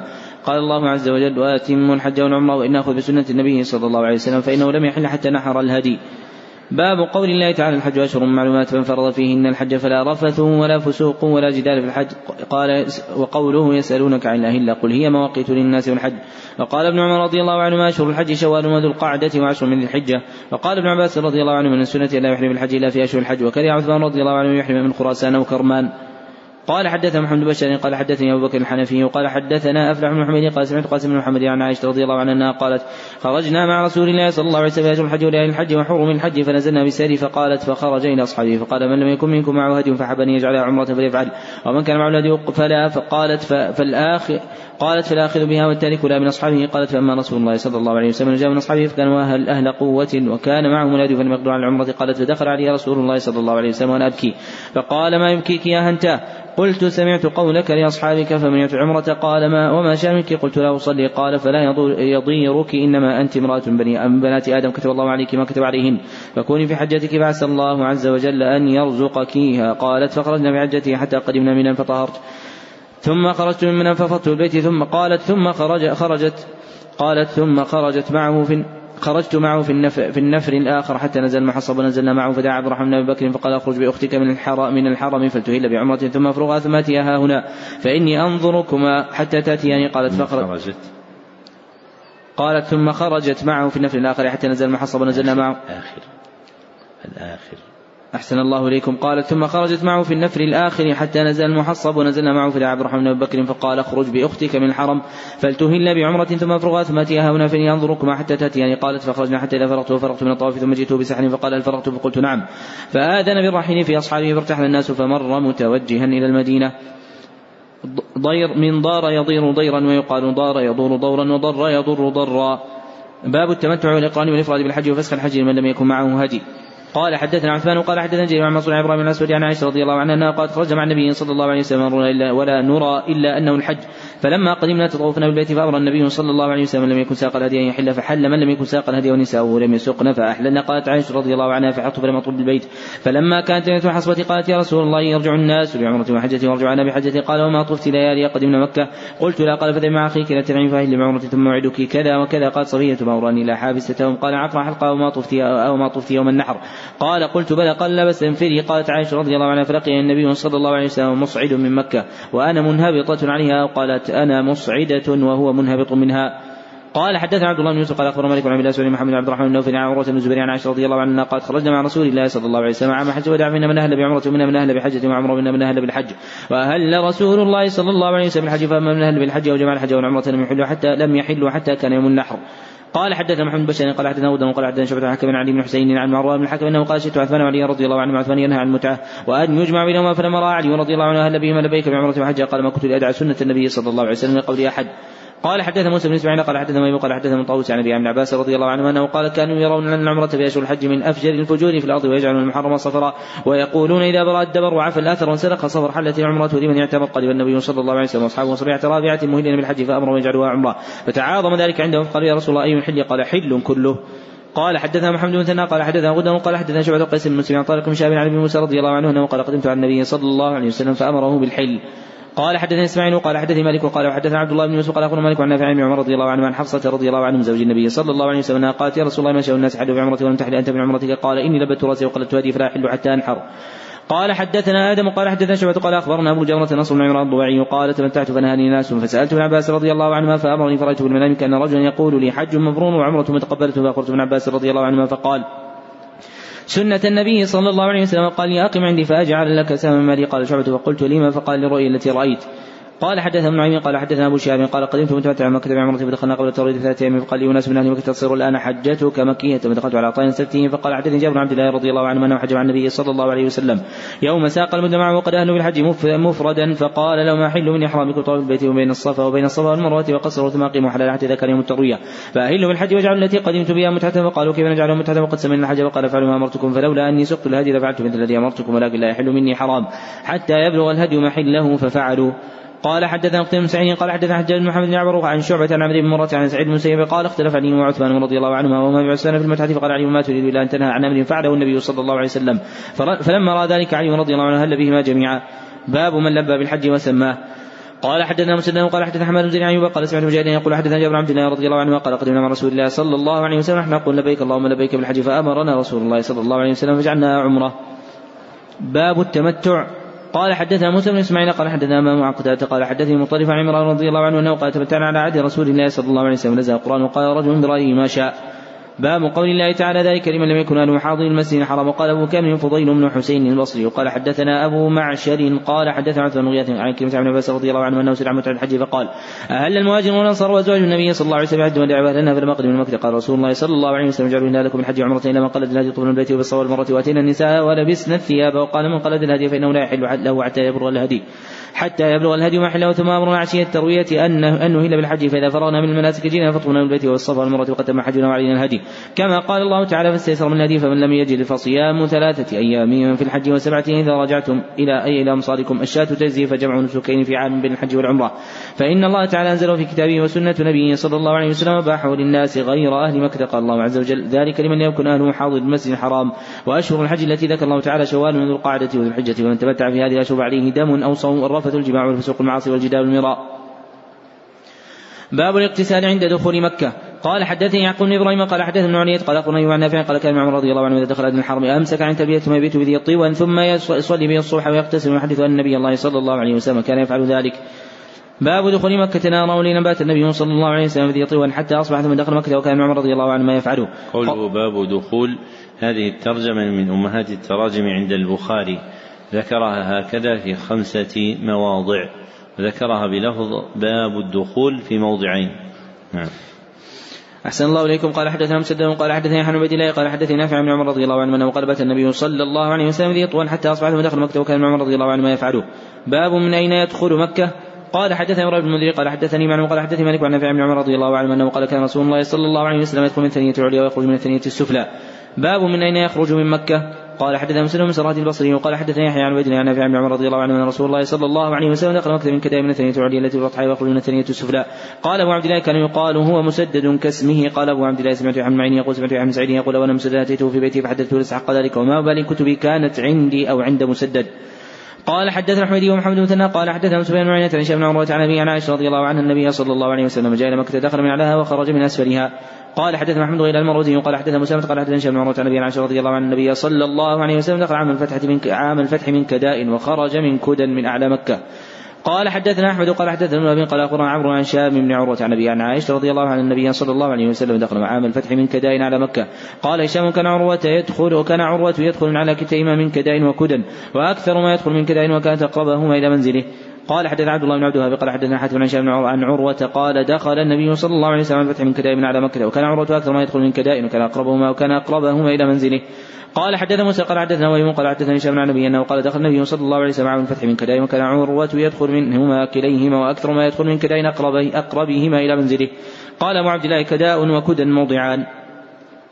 باب فضل مكة وبنيانها وقوله تعالى وإذ جعلنا البيت مثابة للناس وأمنا واتخذوا من مقام إبراهيم مصلى وعهدنا إلى إبراهيم وإسماعيل أن طهر بيتي الطائفين والعاكفين والركع السجود وإذ قال إبراهيم رب اجعل هذا بلدا آمنا وارزق أهله من الثمرات من آمن منهم بالله واليوم الآخر قال ومن كفر فأمتعه قليلا ثم أضطره إلى عذاب النار وبئس المصير وإذ يرفع إبراهيم القواعد من البيت وإسماعيل ربنا تقبل منا إنك أنت السميع العليم. ربنا واجعلنا مسلمين لك ومن ذريتنا أمة مسلمة لك وأرنا مناسكنا وتب علينا إنك أنت التواب الرحيم. قال حدثنا عبد الله بن محمد قال حدثنا أبو عاصم قال أخبرني جريج أخبرني ابن جريج قال أخبرني عمرو بن دينار قال سمعت جابر بن عبد الله رضي الله عنهما قال لما بنيت كعبة ذهب النبي صلى الله عليه وسلم عباس ينقل الحجاره فقال عباس رضي الله عنه فقال العباس رضي الله عن النبي صلى الله عليه وسلم اجعل إزارك على رقبتك فخر الأرض وطمحت عينه إلى السماء فقال أرني إزاري فشده عليه. قال حدثنا عبد الله بن مسلمة عن مالك عن شيخ بن عبد الله عن عبد الله بن محمد بن أبي بكر اخر عبد الله بن عمر رضي الله عن عائشة رضي الله عنه زوج النبي صلى الله عليه وسلم أن رسول الله صلى الله عليه وسلم قال ألم ترى أن قوم ألم ترى ألم تري أن قومك لما بنوا الكعبة اقتصروا عن قواعد إبراهيم؟ فقلت يا رسول الله لا تردوا على قواعد إبراهيم. قال لولا حثان قومك بالكفر لفعلت. وقال عبد الله رضي الله عنه إن كانت عائشة رضي الله عنها سمعت هذا من رسول الله صلى الله عليه وسلم ارى رسول الله صلى الله عليه وسلم ترك اسلام الركنين اللذين يليان الحجر إلا أن البيت لم يتمم على قواعد إبراهيم. قال حدثنا مسلم قال حدثنا أبو الأحوص قال حدثنا شعبان عن أسد بن يزيد عن عائشة رضي الله عنها قال سألت النبي صلى الله عليه وسلم عن الجدر أمن البيت هو؟ قال نعم. قلت فما لهم لم يدخلوه فما لهم لم يدخلوه في البيت؟ قال إن إن قومك قصرت بهم النفقة. قلت فما شأن بابه مرتفعا قال فعل ذلك قومك ليدخلوا من شاءوا ويمنعوا من شاءوا. ولولا أن قومك حديث عدو بالجاريه فخاف أن تنكر قلوبهم أن أدخل الجدر في البيت وأن الصق بابه بالأرض. قال حدث عبيد بن إسماعيل قال حدثنا موسى بن هشام عن نبي عائشة رضي الله عنها قالت قال لي رسول الله صلى الله عليه وسلم لولا حداثة لولا حداثة قومك بالكفر لنقضت البيت ثم بني لبنيت على أساس إبراهيم عليه السلام. فإن قريشا استقصرت بناءه وجعلت له خلفا. قال أبو معاوية حدثنا هشام خلفا يعني بابا. قال حدثنا بيان بن عمرو قال حدثنا يزيد قال حدثنا جرير بن حازم قال حدثنا يزيد بن رومان عن عروة عن عائشة رضي الله عنها أن النبي صلى الله عليه وسلم قال يا عائشة لولا أن قومك حديث عدي بن جارية أمرت بالبيت فهدم فأدخلت فيه ما أخرج منه. وألزقته بالأرض وجعلت له بابين بابا شقيا وبابا غربيا وبلغت به أساس إبراهيم وذلك الذي حمل ابن الزبير رضي الله عنه على آدمه قال يزيد وشيد بن الزبير عن هدم وبنى وأدخل فيه من الحج وقد رأيت أساس إبراهيم حجارة كسمة الإبل. قال جيم فقلت له أين موضعه قال أريكه الآن. فدخلت معه الحجر فسأل مكان. فقال ها هنا. قال جيم فحزرت من الحجر ستة أذرع, أذرع ونحوها. باب فضل الحرم وقوله تعالى إنما أمرت أن أعبد رب هذه البلدة الذي حرمها وله كل شيء وأمرت أن أكون من المسلمين وقوله جل ذكره أولم نمكن لهم حرما آمنا يجب إليه ثمرات كل شيء رزقا من لدنا ولكن أكثرهم لا يعلمون. قال حدثنا علي بن عبد الله قال حدثنا جرير بن عبد الحميد عن منصور عن جابر عن طاووس عن عباس رضي الله عنه أنه قال قال رسول الله صلى الله عليه وسلم فتح مكة إن هذا البلد حرمه الله لا يعضد شوكه ولا نفر صيده ولا تقط لقطته إلا من عرفها.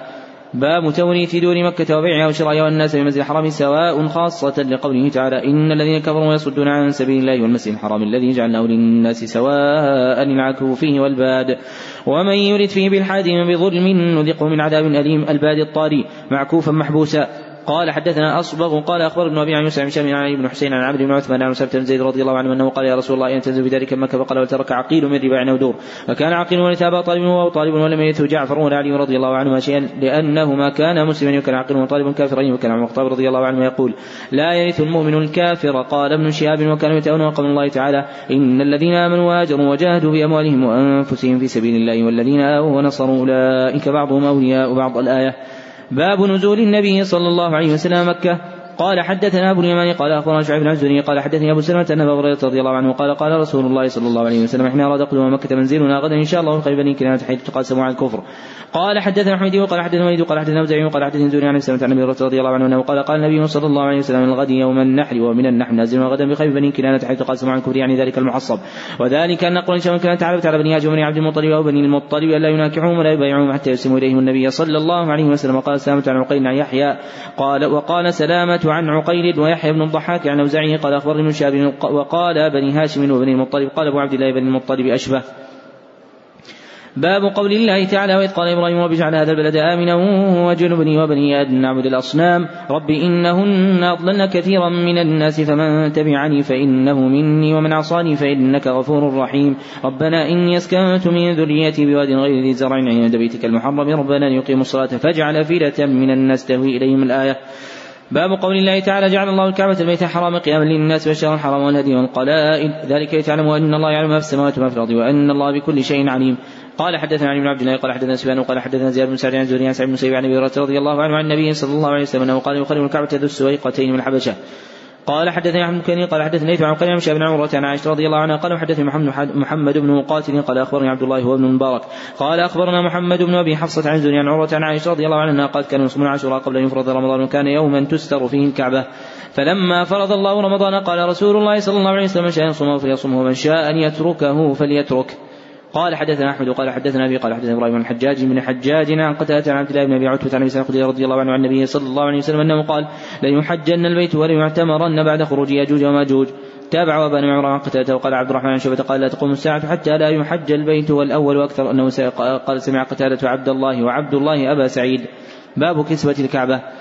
قال حدثنا عبد الله بن عبد الوهاب قال حدثنا خالد بن حيث قال حدثنا سفيان قال حدثنا واصل أحدب عن أبي وائل قال جئت إلى شيبة وقال وحدثنا قبيص قال حدثنا سفيان عن واصل عن أبي وائل قال جلست مع شيبة على الكرسي في الكعبة فقال قد جلس هذا المجلس المجلس عمر رضي الله عنه فقال قد هممت أن لا أدع فيها صفراء ولا بيضاء قسمته وقلت إن صاحبيك لم يفعلا قال هما المرآن أقتدي بهما.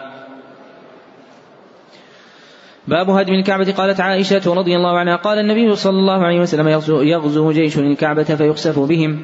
قال حدثنا عمرو بن علي قال حدثنا احمد سعيد قال حدثنا عبد الله بن الأخنس قال حدثني من أبي مليكة عن عباس رضي الله عنه عن النبي صلى الله عليه وسلم قال كأني به أسود أفحج ليقلعها حجرا حجرا. قال حدثنا احمد بن كثير قال حدثنا عن يوسف بن شاب عن سعيد بن سيب عن أبي هريرة رضي الله عنه قال قال رسول الله صلى الله عليه وسلم يقرب الكعبة ذو السويقتين من الحبشة. باب ما ذكر في الحجر الأسود. قال حدثنا محمد بن كثير قال أخبرنا سفيان عن عبد عن إبراهيم بن عبس ربيعة عن عمر رضي الله عنه أنه جاء الحجر الأسود فقبله وقال إني أعلم أنك حجر لا تضر ولا تنفع ولولا أني رأيت النبي صلى الله عليه وسلم يقبل كما قبلتك. قوله عن عابس ليس في رواته من اسمه عابس سوى هذا الراوي وهو عابس بن ربيعة النخعي عابس بن ربيعة النخعي أحسن الله إليكم. قال رحمه الله تعالى باب إغلاق البيت من يصلي في أي نواحي البيت شاء. قال حدثنا قتيبة بن سعيد قال حدثنا الليث عن بن عن عن النبي رضي الله عنه أنه قال دخل رسول الله صلى الله عليه وسلم بيته وأسامة بن زيد وبلال بن عثمان وطلحة رضي الله عنه فأغرق عليهم فلما فتحوا كنت أول من ولج فلقيت بلال فسألته هل صلى فيه رسول الله صلى الله عليه وسلم؟ قال نعم. بين العمودين اليمانيين. باب الصلاة في الكعبة. قال حدثنا أحمد بن محمد قال أخبرنا عبد الله قال أخبرنا موسى بن عقبه عن بن عمر رضي الله عنه أنه كان دخل الكعبة مشى قبل الوجه حين يدخل ويجعل الباب قبل الظهر يمشي حتى يكون بينه وبين الجدار الذي قبل وجهه قريبا من ثلاث أذرع.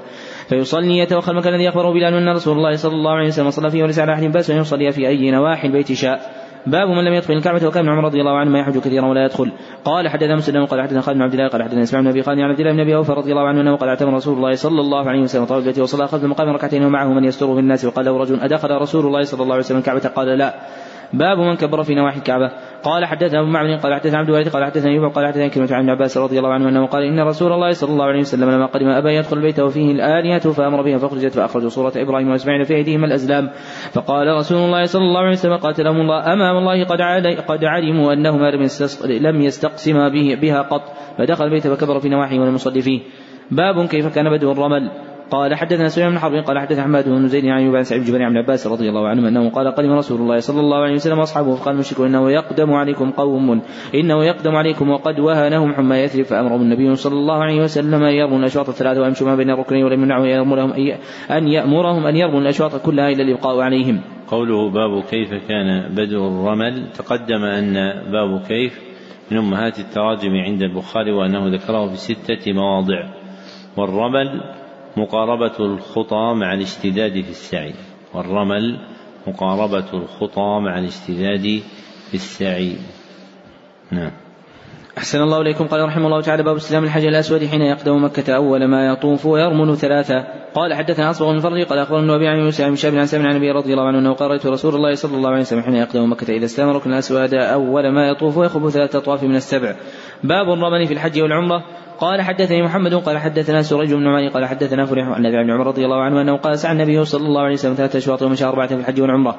تابع الليث قال حدثني كثير من فرقد عن نافع بن عمر رضي الله عنه عن النبي صلى الله عليه وسلم. قوله حدثنا سريج تقدم أن هذا الاسم عندهم بالمهمله في راويين.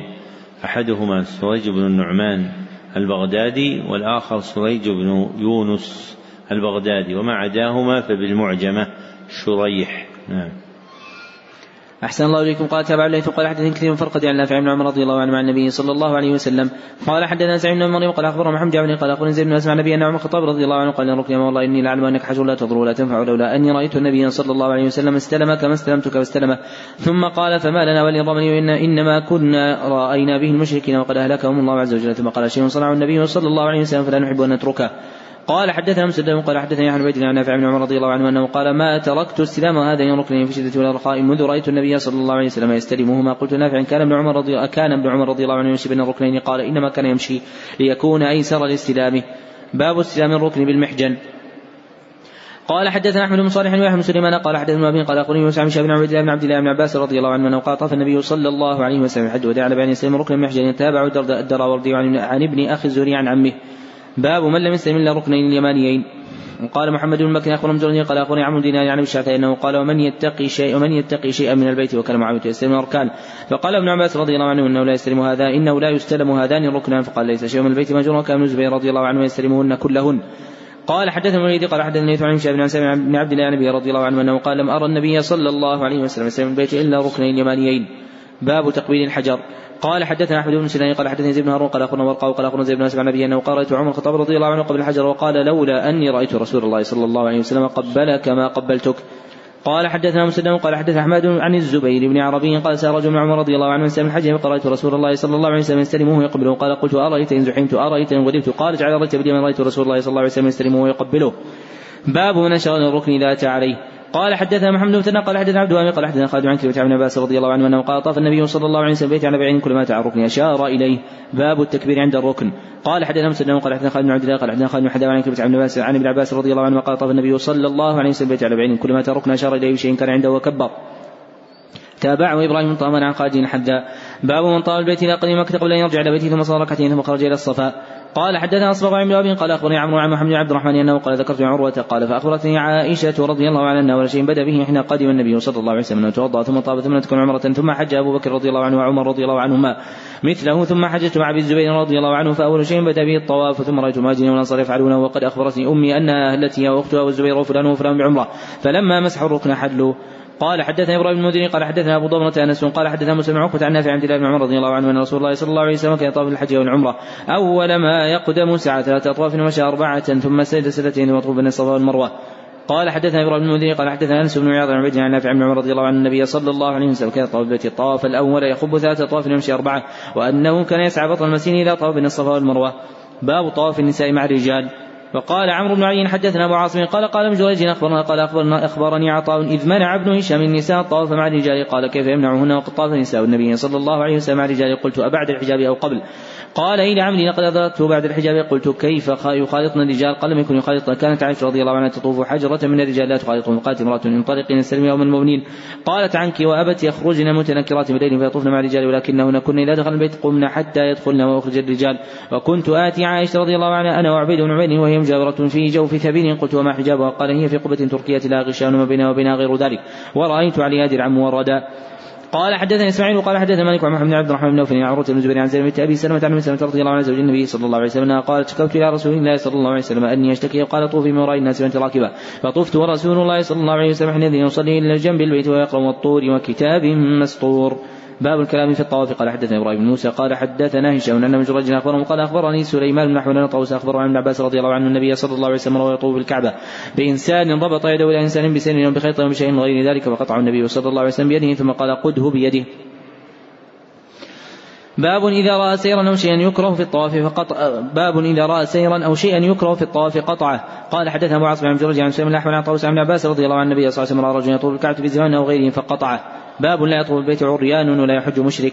قال حدثني احمد بن قال حدثني الليث قال يونس قال ابن شهاب حدثني حميد بن عبد الرحمن بن رضي الله عنه اخبره ان بكر الصديق رضي الله عنه بعثه في الحج التي أمره عليه رسول الله صلى الله عليه وسلم قبل حج الوداع يوم النحر. في رهط يؤذن في الناس ألا لا يحج بعد العام مشرك ولا يطوف بالبيت عريان.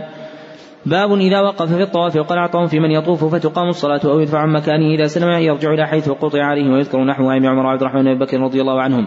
باب صلى النبي صلى الله عليه وسلم للسبوع ركعتين وقال كان عمر رضي الله عنه يصلي كل سبوع ركعتين وقال اسمع ابن أمية قلت الزهري إن أعطاني. يقول تجزئ المكتوبة من ركعتي الطواف. وقال السنة أفضل لم يطوف النبي صلى الله عليه وسلم سبوعا قط إلا صلى ركعتين.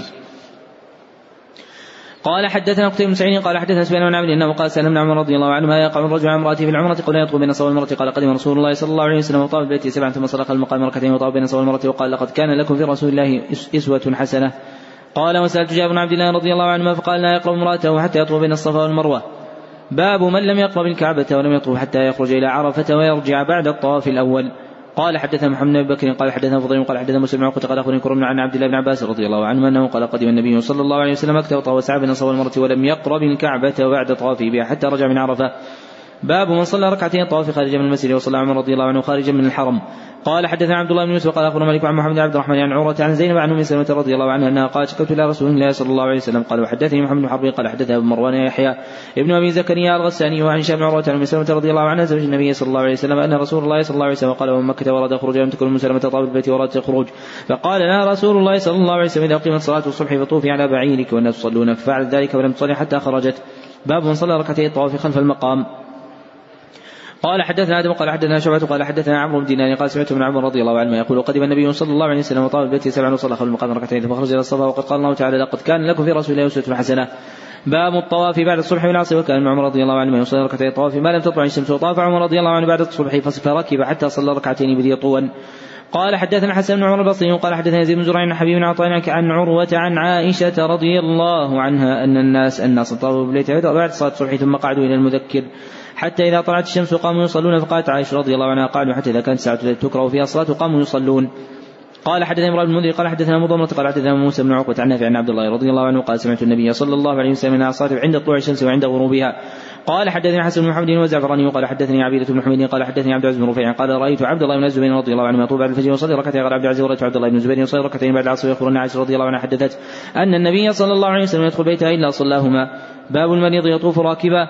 قال حدثني إسحاق الواسطي وقال حدثنا خالد عن خالد حتى عن كلمة عن عباس رضي الله عنه أن رسول الله صلى الله عليه وسلم طال بيته وهو على بعيد كلما تعرق اشار لي بشيء في يده وكبر.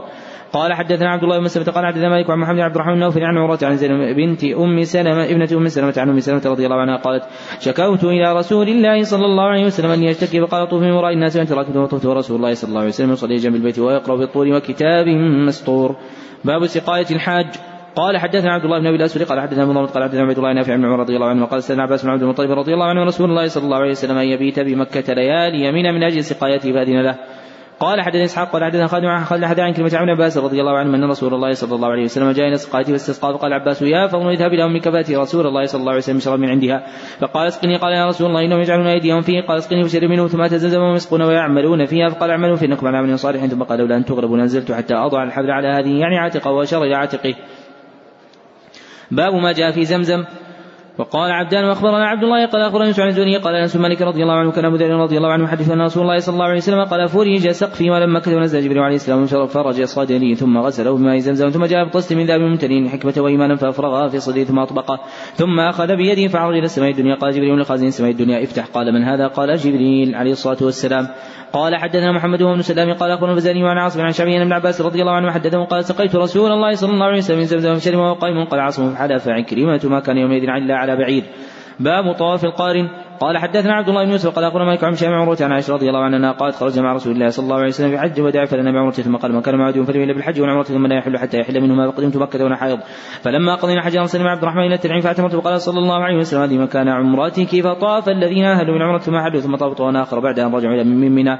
وأما الذين يجمعوا من الحج والعمرة طافوا طوافا واحدا. قوله في الإسناد المتقدم أخبرنا الفزاري. هذه نسبة لقبيلة معروفة. وهي عند الإطلاق يراد بها الإمام أبو إسحاق الفزاري واسمه إبراهيم بن محمد. نعم. أحسن الله إليكم. قال حدثني يعقوب بن إبراهيم قال حدثنا معين عن أبي نافع أن ابن عمر رضي الله عنه دخل ابنه وعبد الله بن عبد الله وظهره في الدار فقال إني لا آمن أن يكون العام بين الناس قتال فيصدوك عن البيت فلو أقمت. فقال قد خرج رسول الله صلى الله عليه وسلم فحال كفار قريش بينه وبين البيت. فإن حيل بيني وبينه أفعل كما فعل رسول الله صلى الله عليه وسلم وقد كان لكم في رسول الله أسوة حسنة. ثم قال أبشرك أني قد وجبت مع عمرتي حجا. قال ثم قدم فطاف لهما طوافا واحدا. قال حدثنا قتيبة قال حدثنا ليث عن نافع عن ابن عمر رضي الله عنه أراد الحج عام نزل الحجاج بابن الزبير فقيل له الناس كائن بينهم قتال نخاف أن يصدوك فقال قد كان لكم في رسول الله أسوة حسنة. إذا أصنع أصنع كما صنع رسول الله صلى الله عليه وسلم. إني أشرك وإني قد وجدت عمرة ثم خرج حتى إذا كان من ظاهر البيداء قال مشى الحج والعمرة؟ إلى واحد أشرك وإني قد وجدت حجا مع عمرتي وأهدى هديا. اشتراه بقديد ولم يزد على ذلك فلم ين ولم يزد على ذلك فلم ينحر ولم يحل من شيء حرم منه ولم يحلق ولم يقصر حتى كان يوم النحر فنحر وحلق وراء قد قضى طواف الحج والعمرة بطوافه الأول. وقال ابن عمر رضي الله عنهما كذلك فعل رسول الله صلى الله عليه وسلم. باب الطواف على وضوء. قال حدثنا أحمد بن عيسى قال حدثنا أبي قال أخبرني عمرو بن حيث عن محمد بن عبد الرحمن في القرشي إنه سمع عروة بن الزبير فقال قد حج النبي صلى الله عليه وسلم اخبرتني عائشه رضي الله عنها أنه أول شيء بدأ به إحنا قدم أنه توضأ ثم طاف البيت ثم تكون عمرة. ثم حج أبو بكر رضي الله عنه فكان أول شيء بدأ به الطواف بالبيت ثم تكون عمرة. ثم عمر رضي الله عنه مثل ذلك. ثم حج عثمان رضي الله عنه فرجع أول شيء بدأ به الطواف بالبيت ثم تكون عمرة. ثم معاوية وعبد الله بن عمر رضي الله عنهما ثم حججت مع ابي الزبير بن العوام فكان أول شيء بدأ به الطواف بالبيت ثم لم تكن عمرة. ثم رأيت المهاجرين والانصار يفعلون ذلك ثم تكون عمرة. ثم آخر ما رأيت فعل ذلك ابن عمر رضي الله عنه ثم لم يقضها عمرة وهذا ابن عمر رضي الله عنه عندهم فلا يسالونه ولا أحد من مضى وكانوا يبدأون بشيء حتى يضعوا اقدامهم من الطواف بالبيت ثم لا يحلون. فقد رأيت أمي وخالتي حين تقدمان لا تبتدئان بشيء أول من البيت الطوفان به ثم لا تحلان. وقد أخبرتني أمي أنها التي وأختها والزبير وفلان وفلان بعمرة فلما مسحوا الركن حلوا. باب وجوب الصفا والمروة وجعل من شعائر الله. قال حدثنا أبو اليمان قال أخبرنا شعب بن الزهري قال عروة سألت عائشة رضي الله عنها فقلت لا رأيت قول الله تعالى إن الصفا والمروة من شعائر الله في الحج البيت واعتمر فلا جناح عليه أن يطوف بما فوالله ما على أحد جناح ألا يطوف بالصفا والمروة قال بئس ما قلت يا ابن أختي. إن هذه لو كانت كما قلتها كانت لا جناح عليه ألا يطوف بهما ولكنها أنزلت في الأنصار. كانوا قبل أن يسلموا يهلون المنات الطاغية التي كانوا يعبدون عند المشركين فكان منها هلا يتحرج أن يطوف بالصفا والمروة فلما سأل رسول الله صلى الله عليه وسلم عن ذلك قالوا يا رسول الله إنا كنا نتحرج أن نطوف بالصفا والمروة فأنزل الله تعالى الصفا والمروة من شعائر شعائر الله. الآية. قالت عائشة رضي الله عنها وقد سن رسول الله صلى الله عليه وسلم طوى بينهما فليس لأحد أن الطواف بينهما ثم أخبرت أبا بكر بن عبد الرحمن.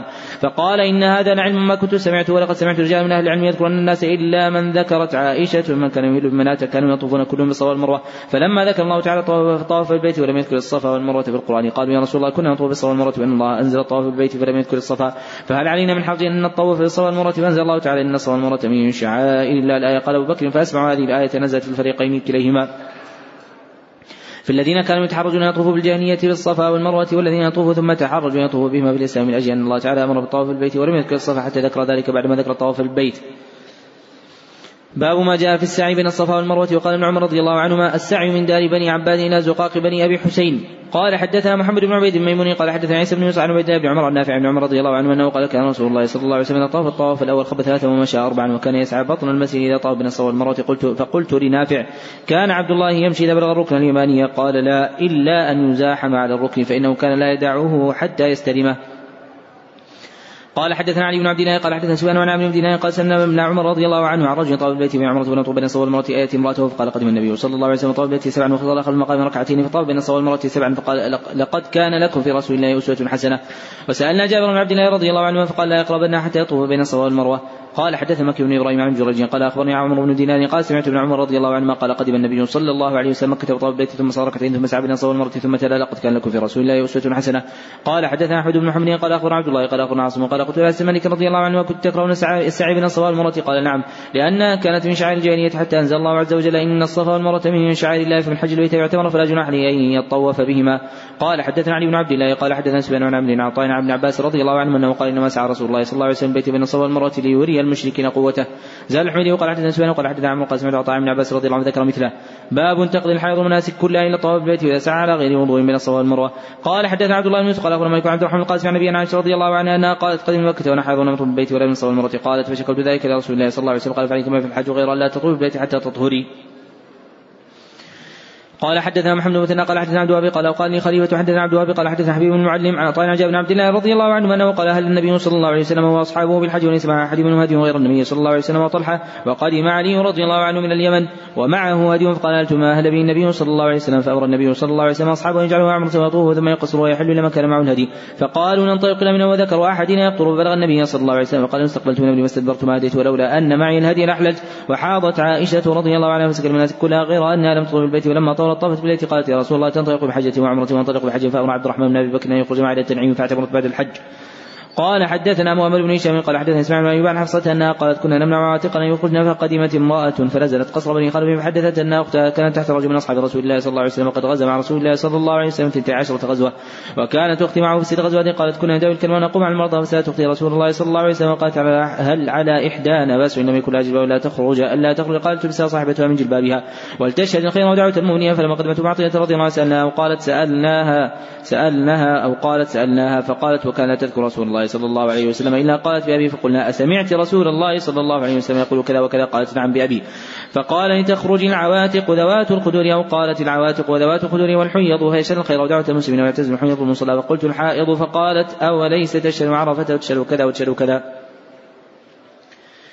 باب الهلال البطحاء وغيرها المكي والحاج إذا خرج إلى منى وسئل عطاء عن المجاور ولبي بن حج قال وكان عمر رضي الله عنه لبي يوم الترويه إذا صلى الظهر واستوى على رحلته وقال عبد الملك عن عن جابر رضي الله عنه قال قدمنا مع النبي صلى الله عليه وسلم حتى يوم الترويه وجعلنا مكة بظاهر اللبين وجعلنا مكة بظاهر اللبين بالحج وقال أبو الزبير عن جابر أهل من البطحاء وقال عبيد بن جرج لابن عمر رضي الله عنه رأيتك إذا كنت مكة أهل الناس اذا راوا الهلال ولم تهل أنت حتى يوم الترويه فقال مر النبي صلى الله عليه وسلم يهل حتى تبعث به راحلته باب أين يصلي الظهر يوم التروية؟ قال حدثني عبد الله بن محمد قال حدثنا إسحاق الازرق وقال حدثنا سفيان بن عبد العزيز بن رفيع قال سألت أنس مالك رضي الله عنه أنه قال قلت أخبرني بشيء عقلته عن النبي صلى الله عليه وسلم أن صلى الظهر والعصر يوم التروية.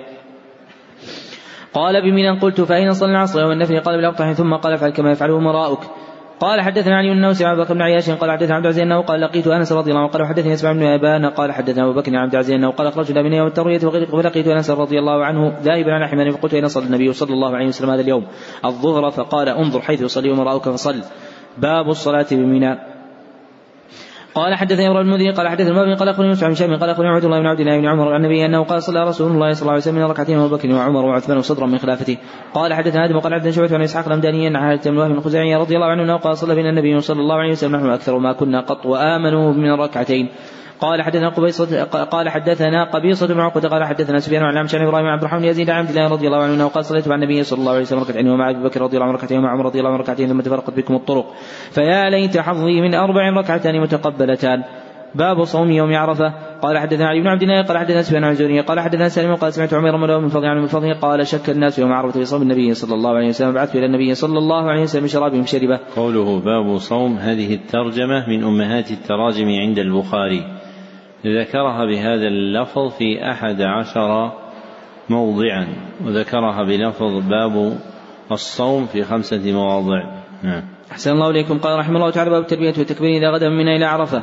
قال حدثنا عبد الله بن يوسف وقال اخبرنا مالك عن محمد بن أبي بكر تقبينا وسنة مالك رضي الله عنه غاديا من إلى عرفة. كيف كنتم تصنعون في هذا اليوم مع رسول الله صلى الله عليه وسلم؟ وقال كان يهل من المهل فلا ينكر عليه ويكبر من المكبر فلا ينكر عليه. باب التهجير بالرواح يوم عرفة.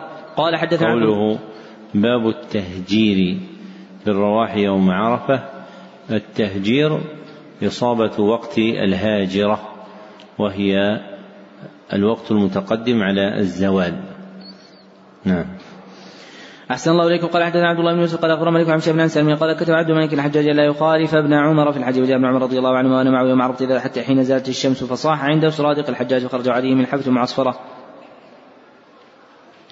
فقال ما لك يا أبا عبد الرحمن؟ فقال رواح إن كنت تريد السنة. فقال هذه ساعة. قال نعم. قال فأنظرني حتى وضع رأسي ثم أخرج. فنزل حتى خرج الحجاج وسار بيني وبين أبي فقلت إن كنت تريد السنة فاقصر الخطبة وعجل الوقوف. وجعل ينظر إلى عبد الله فلما ذلك عبد الله قال صدق. باب الوقوف على الدابة بعرفة. قال حدث عبد الله بن مسعود عن عن النضر عن عمير مولى عبد الله بن عباس عن فضل بنت الحارث رضي الله عنها الناس يختلفوا عندها يوم عرفة يصوم النبي صلى الله عليه وسلم وقال بعضهم صائم وقال بعضهم ليس بصائم فرصته لبقر حلاب واقف على بعيده وشربه باب الجمع من الصلاتين بعرفه قال عمر رضي الله عنه إذا فتوا الصلاة مع الإمام جمع بينهما. وقال لي فحدثني عن شام قال أخبرني سالم بن الحجاج بن يوسف عن نزل بن الزبير رضي الله عنه سأل عبد الله رضي الله عنه كيف تصنع في الموقف يوم عرفة؟ وقال سالم كنت أريد السنة فهاجر بالصلاه يوم عرفة. فقال عبد الله بن عمر رضي الله عنه صدق إنه كان يجمع من الظهر والعصر بالسنة فقلت فقلت لسالم أفعل ذلك رسول الله صلى الله عليه وسلم قال سالم ولا تتبعون في ذلك إلا سنته. باب قصر الخطبة بعرفه قال حدث عبد الله بن مسعود قال اخبرنا مالك عن شاب بن بن عبد الله بن عبد الملك بن مروان. كتب الحجاج أن ياتي بن عبد الله بن عمر رضي الله عنه في الحج ولما كان عرفة جاء بن عمر رضي الله عنه وأنا معه حين زاغت الشمس.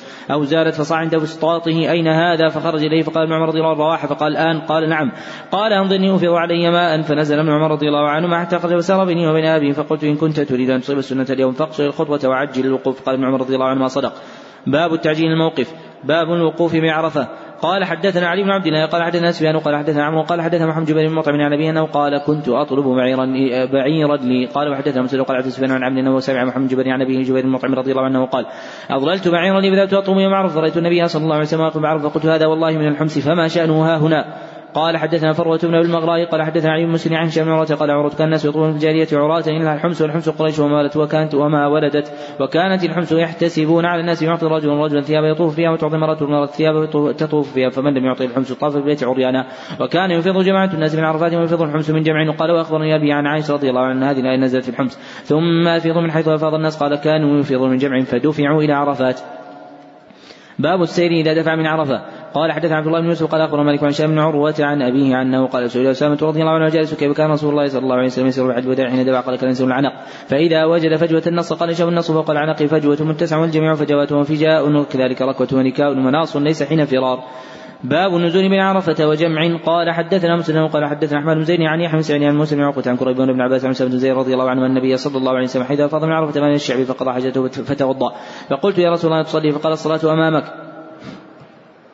قال حدثنا موسى بن إسماعيل قال حدثنا جرير عن نافع قال كان عبد الله بن عمر رضي الله عنه يجمع بالمغرب عن شيء بجمع غير أنه يمر بالشعب الذي أخذه رسول الله صلى الله عليه وسلم يدخل فينتفض ويتوضأ ولا يصلي حتى يصلي بجمع.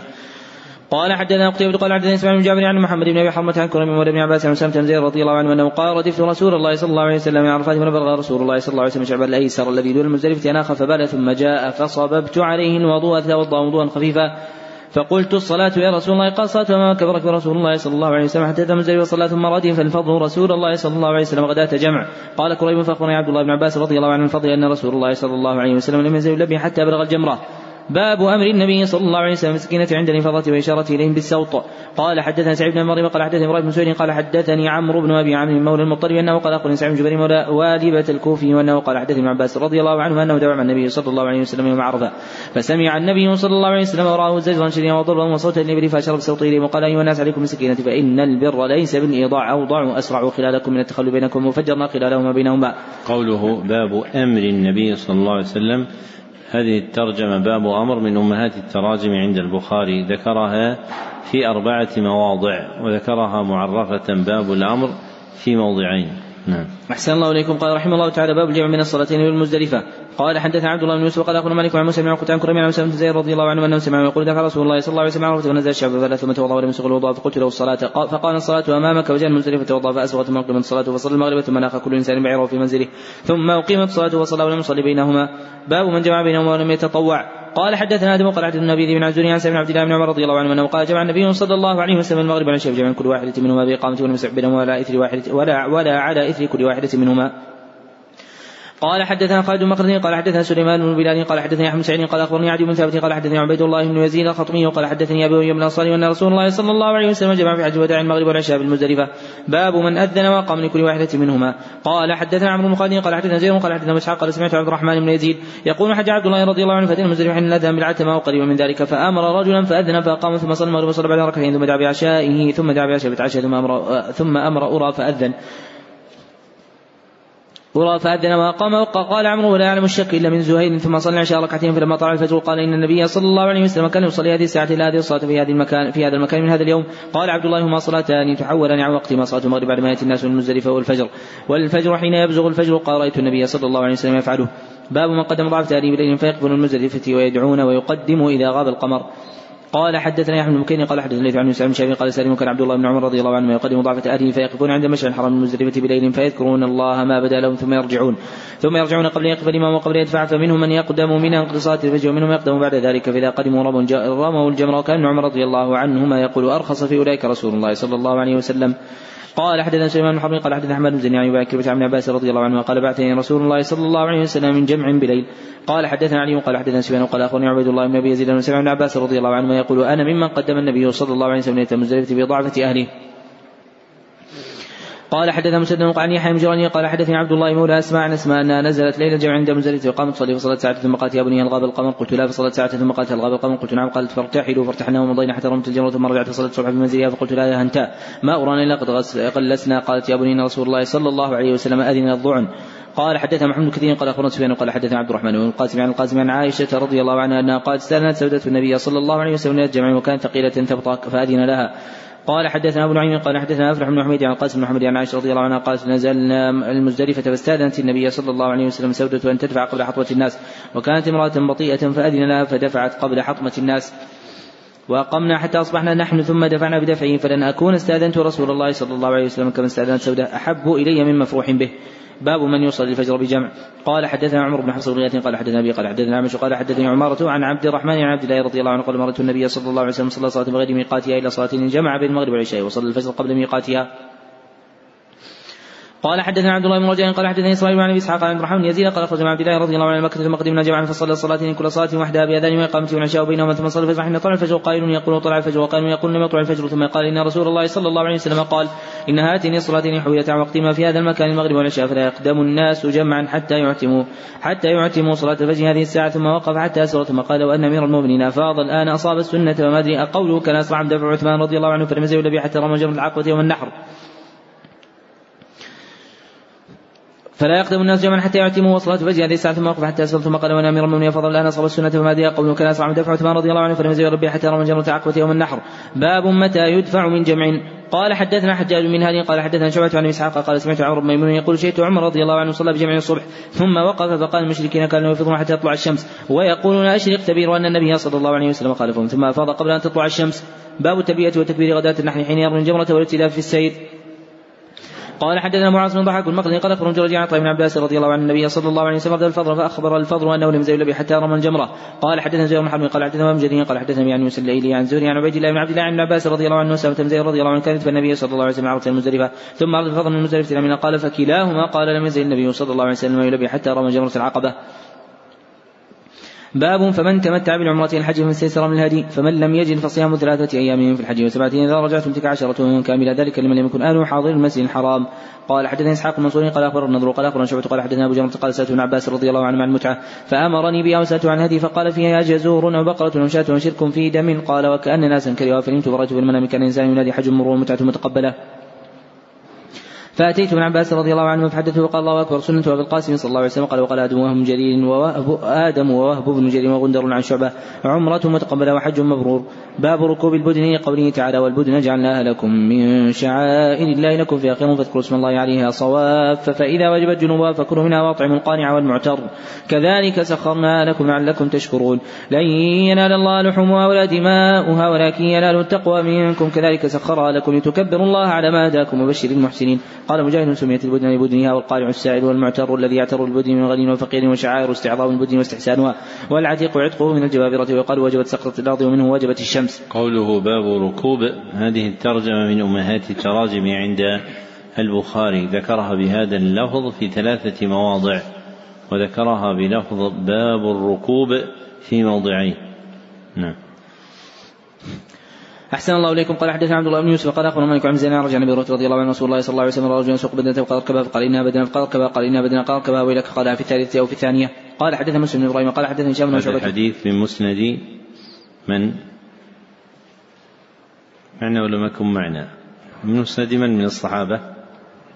عن أبي هريرة ومع كون أبي هريرة أكثر الصحابة حديثا إلا أنه من أقل المكثرين رواية في المناسك فأحاديثه في المناسك قليلة.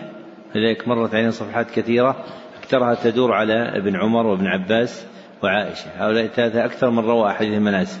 وأبو هريرة مع كونه حج إلا أن الأحاديث التي رواها في المناسك مع حجة النبي صلى الله عليه وسلم قليلة جدا. والذي يظهر أنه كان مشغولا بشيء كأن يكون مع الرعاة أو السقاة أو غيرهم. نعم. أحسن الله إليكم. قال حدثنا مسلم بن إبراهيم قال حدثني هشام بن شعبة قال حدثنا قتادة عن أنس رضي الله عنه النبي صلى الله عليه وسلم رأى رجلا يسوق بدنة فقال اركبها قال إنها بدنة قال اركبها قال إنها بدنة قال اركبها قالها ثلاثا. باب من ساق البدن معه. قال حدثنا يحيى بن كريم قال حدثنا ليث عن قرين بن عن بن عبد الله ان عمر رضي الله عنه قال تمتع رسول الله صلى الله عليه وسلم حج وداع بالعمرة الحج وادى فساق معه الهدي من ذي الحليفة. وبدا رسول الله صلى الله عليه وسلم فهل بعمرة مال بالحج وتمتع الناس مع النبي صلى الله عليه وسلم عمرة الحج وكان الناس من هذا فساق الهدي ومنهم من لم يهدي فلما قدم النبي صلى الله عليه وسلم مكة قال الناس من كان منكم هدى فإنه لا يحل لشيء حرم منه حتى يقضي حجه ومن منكم فليطلب البيت بالصفا والمروة. وليقصر وليحل ثمن يولى بالحج ومن يجد هدي فليصل ذات أيام الحج وسبعة اذا رجع إلى أهله فطاف حين قدم مكة واستلم الركن ورجل ثم قبل ثلاثة اطواف ومشى اربعا فركع حين قضى طواف البيت عند مقام ركعتين ثم سلم. فانصرف في الصفا والمروة سبعة اطواف ثم لم يحل من شيء حرم منه حتى قضى حجه ونحر هديه ومن نحره وأفاض فطاف البيت ثم حل من كل شيء حرم منه وفعل مثل ما فعل رسول الله صلى الله عليه وسلم. من أهدى وساق الهدي من الناس. وعن عروة أن عائشة رضي الله عنها أخبرته عن النبي صلى الله عليه وسلم تمتع من عمرة الحج فتمتع الناس معه بمثل الذي أخبرني سالم بن عمر رضي الله عنه عن رسول الله صلى الله عليه وسلم. باب من اشترى الهدي من الطريق. قال حدثنا ابو نعمان قال حدثنا حماد بن عيوب نافع قال قال عبد الله بن عبد الله بن عمر رضي الله عنه لابي يقم فإني لا آم فإني لا آمنها أن ستصد. فإني لا آمنها أن ستصد عن البيت. قال إذا أفعل كما أفعل كما فعل رسول الله صلى الله عليه وسلم. وقد قال الله عز وجل لقد كان لكم في رسول الله أسوة حسنة فلا أنشدكم أني قد أوجبت على نفس العمرة. فهل بالعمرة قال ثم خرج حتى إذا كان بين أهل بالحج والعمرة. وقال ما شاء من الحج والعمرة إلا واحد ثم شر الهدي من قديد ثم قدم وطاف لهم طاف واحدا في المحل حتى حل منهما جميعا. باب من أشعر وقلد بذي الحليفة ثم أحرم وقال نافع كان عمر رضي الله عنه إذا اتى من المدينة قلده واشعره بذي الحليفة ويقطعون في شق سنام الايمن بالشفرة وجهها قبل القبلة باركا. قال حدثنا أحمد بن محمد قال أخبرنا عبد الله قال أخبرنا عمر الزهري عن عروة بن الزبير عن مسر المخرمة ومروان أنهما قال خرج النبي صلى الله عليه وسلم من المدينة في بضع عشرة مئة من أصحابه حتى إذا كانوا بذي الحليفة قلد النبي صلى الله عليه وسلم الهدي وأشعر وأحرم بالعمرة. قال حدثنا ابن قال حدثنا ابن قاسم عن عائشة رضي الله عنها قالت فتلت قلائد بدن النبي صلى الله عليه وسلم بيديه ثم قلدها واشعر لها وأهداها فما حرم عليه شيء كان محل له.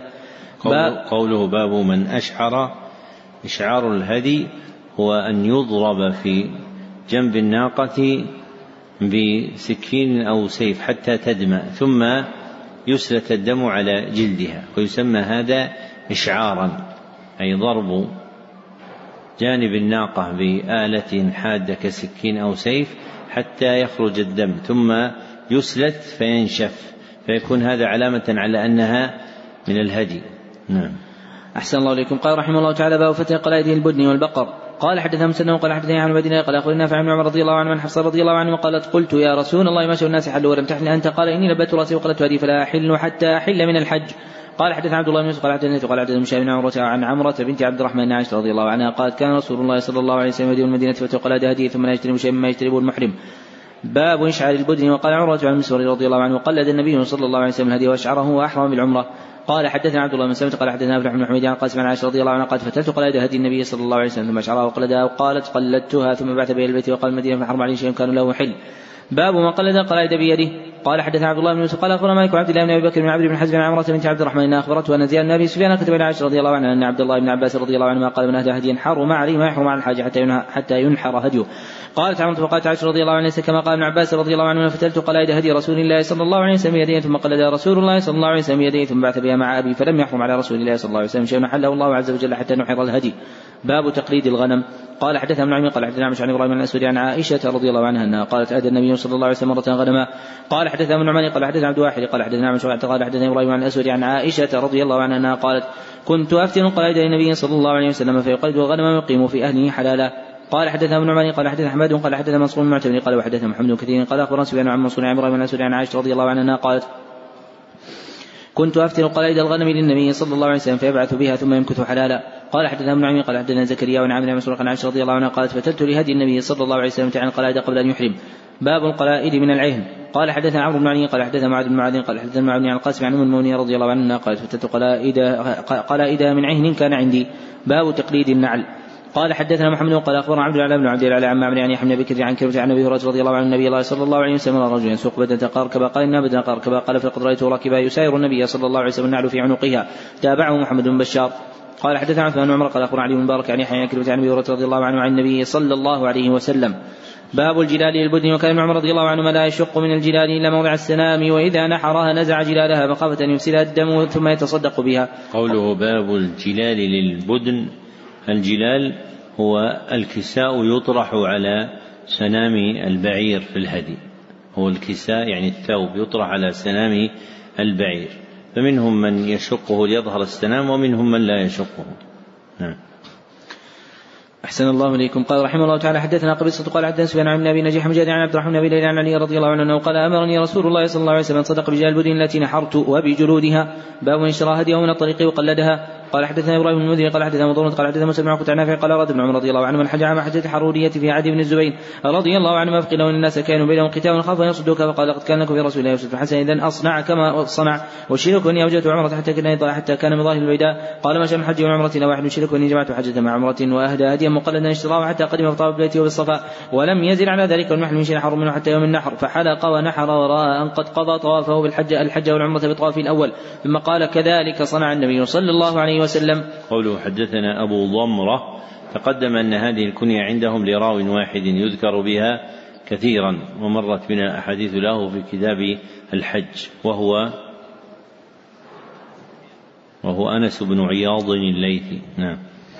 أحسن الله إليكم. قال رحمه الله تعالى باب ذبح الرجل البقر عن نسائه من غير أمرهن. قال حدثنا عبد الله بن يوسف قال أخبرنا مالك عن يحيى سعيد عمرة بنت عبد الرحمن النار قالت سمعت عائشة رضي الله عنها تقول خرجنا مع رسول الله صلى الله عليه وسلم خمس بقين من ذي القعدة لا نرى الا الحج. فلما دنا من مكة من رسول الله صلى الله عليه وسلم لم يكن معه هدي اذا طوى سعى بين صوم مرتين حين قالت فدخل علي يوم النحر بلحم بقر فقلت ما هذا؟ قال نحر رسول الله صلى الله عليه وسلم عن أزواجه. قال يحيى ذكرته القاسم. فقال أتتك بالحديث على وجهه؟ باب النحر في منحر النبي صلى الله عليه وسلم بمنن. قال حدثنا إسحاق بن إبراهيم أنه سمع خادم الحاج قال حدثنا عبد الله بن عمر عن نافع عبد الله رضي الله عنهما كان ينحر في المنحر قال عبد الله منحر رسول الله صلى الله عليه وسلم. قال حدثنا إبراهيم بن المنذر قال حدثنا أنس بن عياض قال حدثنا موسى بن عقبة عن نافع عن عمر رضي الله عنهما كان يبعث بادي من جمع من آخر الليل حتى يدخل به منحر النبي صلى الله عليه وسلم مع حجاج فيهم الحر والمملوك. باب نحر الإبل مقيدة. قال حدث عبد الله بن مسلمة قال زيد بن زريع عن يوسف عن زيد بن جبرين أن قال رأيت ابن عمر رضي الله عنه مات على رجل قد ناخ بدنته ينحرها. قال بعثها قيام مقيدة سنة محمد صلى الله عليه وسلم. وقال شعبة عن يوسف قال أخبرني زياد. باب نحر البدن قائمة. وقال ابن عمر رضي الله عنهما سنة محمد صلى الله عليه وسلم. وقال ابن عباس رضي الله عنهما صواب فقياما. قال حدثنا سلم بن قال حدثنا ابن عيوب بن ابي قلابة عن رضي الله عنه قال صلى النبي صلى الله عليه وسلم ظهر المدينة أربع من عصر بن حبيبة ركعتين وبات بها. فلما أصبح ركب راحلته ركب راحلته فجعل يهلل ويسبح فلما على البيداء لبى بهما جميعا. فلما دخل مكة أمرهم أن يحلوا ونحر النبي صلى الله عليه وسلم بيده سبع بدن قياما وضحى بالمدينة كبشين يمنحين يقرنين قال حدثنا مسدد قال حدثنا إسماعيل بن أبي قلبة عن ابن مالك رضي الله عنه قال صلى النبي صلى الله عليه وسلم ظهر المدينة أربع من العصر بذي ركعتين وأن يبعث رجل عن أنس رضي الله عنه قال ثم بات حتى أصبح فصلى الصبح ثم ركب راحلته حتى إن استوت به البيداء أهل بعمرة وحجة. باب لا يعطي الجزار من هدي شيئا. قال حدثنا محمد بن كثير قال أخبرنا سفيان قال أخبرني ابن أبي نجيح عن مجاهد عن عبد الرحمن بن عن علي رضي الله عنه أنه قال بعثني النبي صلى الله عليه وسلم قلت البدن فأمرني فقسمت لحوما ثم أمرني فقسمت جلالا وجلودا. قال سفيان وحدثني عبد الكريم عن مجاهد عبد الرحمن بن علي رضي الله عنه قال أمر النبي صلى الله عليه وسلم أقوم عن البدن ولا أعطي ولا أعطي عليها شيئا في جزارتها. باب يتصدق بجلود الهدي. قال حدثنا مسدد قال حدثني حامد جراج قال اخبرني الحسن بن مسلم عبد الكريم الجزري وأنا مجاهد أخبرهما أن عبد الرحمن بن أخبرنا علي رضي الله عنه اخبر النبي صلى الله عليه وسلم امرني يقبل عبد ويقسم بدنه كلها لحومها وجلودها وجلالها ولا يعطيها في جزارتها شيئا. باب يتصدق بجلال البدن. قال حدثنا ابن عمي قال حدثنا سيف النبي سليمان قال سمعت مجاهدا يقول حدثنا النبي ليلا علي رضي الله عنه حدثه قال أهدى النبي صلى الله عليه وسلم مئة بدنة فأمرني بلحومها فقسمتها ثم امرني بجلالها فقسمتها ثم بجلودها فقسمتها. باب وإذ بوأنا لإبراهيم مكان البيت ألا تشرك بي شيئا وطهر البيت للطائفين والقائمين والركع السجود وأذن في الناس بالحج يأتوك رجالا وعلى كل ضامن يأتين من كل فج عميق يشهد منافع لهم ويذكر اسم الله في أيام معلومات على ما رزقهم من بهيمة الأنعام فكلوا منها وأطعموا البائس الفقير ثم ليقضوا تفثهم وليوفوا نذورهم وليطوفوا بالبيت العتيق ذلك ومن يعظم حرمات الله فهو خير له عند ربه باب ما يكون البدن وما يتصدق. وقال عبيد الله أخبرني نافع بن عمر رضي الله عنهما قال لا يؤكل من جزاء الصيد والنذر يؤكل مما سوى ذلك وقال عطاء ياكل ويطعم من المتعه قال حدثنا مسدد قال حدثنا يحيى بن جريج قال حدثنا عطاء انه سمع بن عبد الله رضي الله عنه يقول كنا لا نأكل من لحوم بدننا فوق ثلاث من فوق ثلاث من فرخص لنا النبي صلى الله عليه وسلم. قال كلوا وتزودوا فأكلنا وتزودنا. قلت لعطاء قال أقال حتى جئنا المدينة؟ قال لا. قال حدثنا خالد بن قال حدثنا سليمان وقال حدثني يحيى قال حدثتني عمرة انها قالت سمعت عائشة رضي الله عنها تقول خرجنا مع رسول الله صلى الله عليه وسلم خمس بقينا من ذي القاعدة ولا نرى إلى الحج حتى إذا دنا من مكة أمر رسول الله صلى الله عليه وسلم لم يكن معه اذا طاب بليتي ثم يحل. قالت عائشة رضي الله عنها فدخل علينا يوم النحل بلحم بقر فقلت ما هذا قيل ذبح النبي صلى الله عليه وسلم على أزواجه. قال يا حبيبي ذكرت هذا الحديث القاسم. وقال تذكر بالحديث على وجهه. باب الذبح قبل الحلق. قال حدثنا محمد عبد الله بن حوشب قال حدثنا هشيم قال أخبرنا منصور عن عطاء عن عباس رضي الله عنه وقال سئل النبي صلى الله عليه وسلم من حلق قبل أن يذبح ونحوه فقال لا حرج لا حرج. قال حدثنا أحمد بن يونس قال أخبرنا أبو بكر عبد العزيز بن رفيع عطاء عن ابن عباس رضي الله عنه أنه قال قال رجل النبي صلى الله عليه وسلم زرت قبل أن أرمي قال لا حرج قال أحلقت قبل أن أذبح قال لا حرج قال ذبحت قبل أن أرمي قال لا حرج. وقال عبد الرحيم رضي عن ابن خثيم قال أخبرني عطاء عن ابن عباس رضي الله عنه مع النبي صلى الله عليه وسلم. وقال القاسم بن يحيى حدثني ابن خثيم عن عطاء بن عباس عن النبي صلى الله عليه وسلم وقال عفان الله عنه وإيمن قال حدثنا ابن خثيم عن سعيد بن عباس رضي الله عنه عن النبي صلى الله عليه وسلم وقال حماد بن قيس بن سعد عباد منصور عن عطاء جابر رضي الله عنه عن النبي صلى الله عليه وسلم قال حدثنا محمد بن قال حدثنا عبد الله قال حدثنا خالد بن عن عباس رضي الله عنه قال سئل النبي صلى الله عليه وسلم وقال رميته بعد بعد ما أمسيت فقال لا حرج قال حلقت قبل أن أنحر قال لا حرج قال حدثنا عبد قال أخبرني أبي عن شعبة عن قيس بن مسلم عن طريق بن شهاب عن النبي موسى رضي الله عنه قال قدمت على رسول الله صلى الله عليه وسلم وبالضحى فقال أحججت؟ قلت نعم. قال أهلت قلت لبيك بإهلال كإهلال النبي صلى الله عليه وسلم. قال أحسنت. انطلق فطوف البيت بالصوى والمرة ثم أتيت امرأة من نساء بني قيس ففلت رأسي ثم أهللت بالحج فكنت أفتي به الناس حتى خلافة عمر رضي الله عنه ذكرته له فقال إن نأخذ بكتاب الله فإنه يأمرنا بالتمام وإن نأخذ بسنة رسول الله صلى الله عليه وسلم فإن رسول الله صلى الله عليه وسلم لم يحل حتى بلغ الهدي محله باب من لبد رأسه عند الإحرام وحلق. قال حدثنا عبد الله بن يوسف قال أخبرنا مالك بن نافع بن عمر عن حفصة رضي الله عنهم أنها قالت يا رسول الله ما الناس حلوا بعمرتي ولم تحل أنت بعمرتك قال لبدت رأسي لبدت رأسي وقلت هدي فلا يحل حتى أنحر. باب الحلق والتقصير عند الإحلال. قال حدثنا ابن مالك قال أخبرنا شعيب بن أبي حمزة قال نافع كان عمر رضي الله عنه يقول حلق رسول الله صلى الله عليه وسلم في حجته.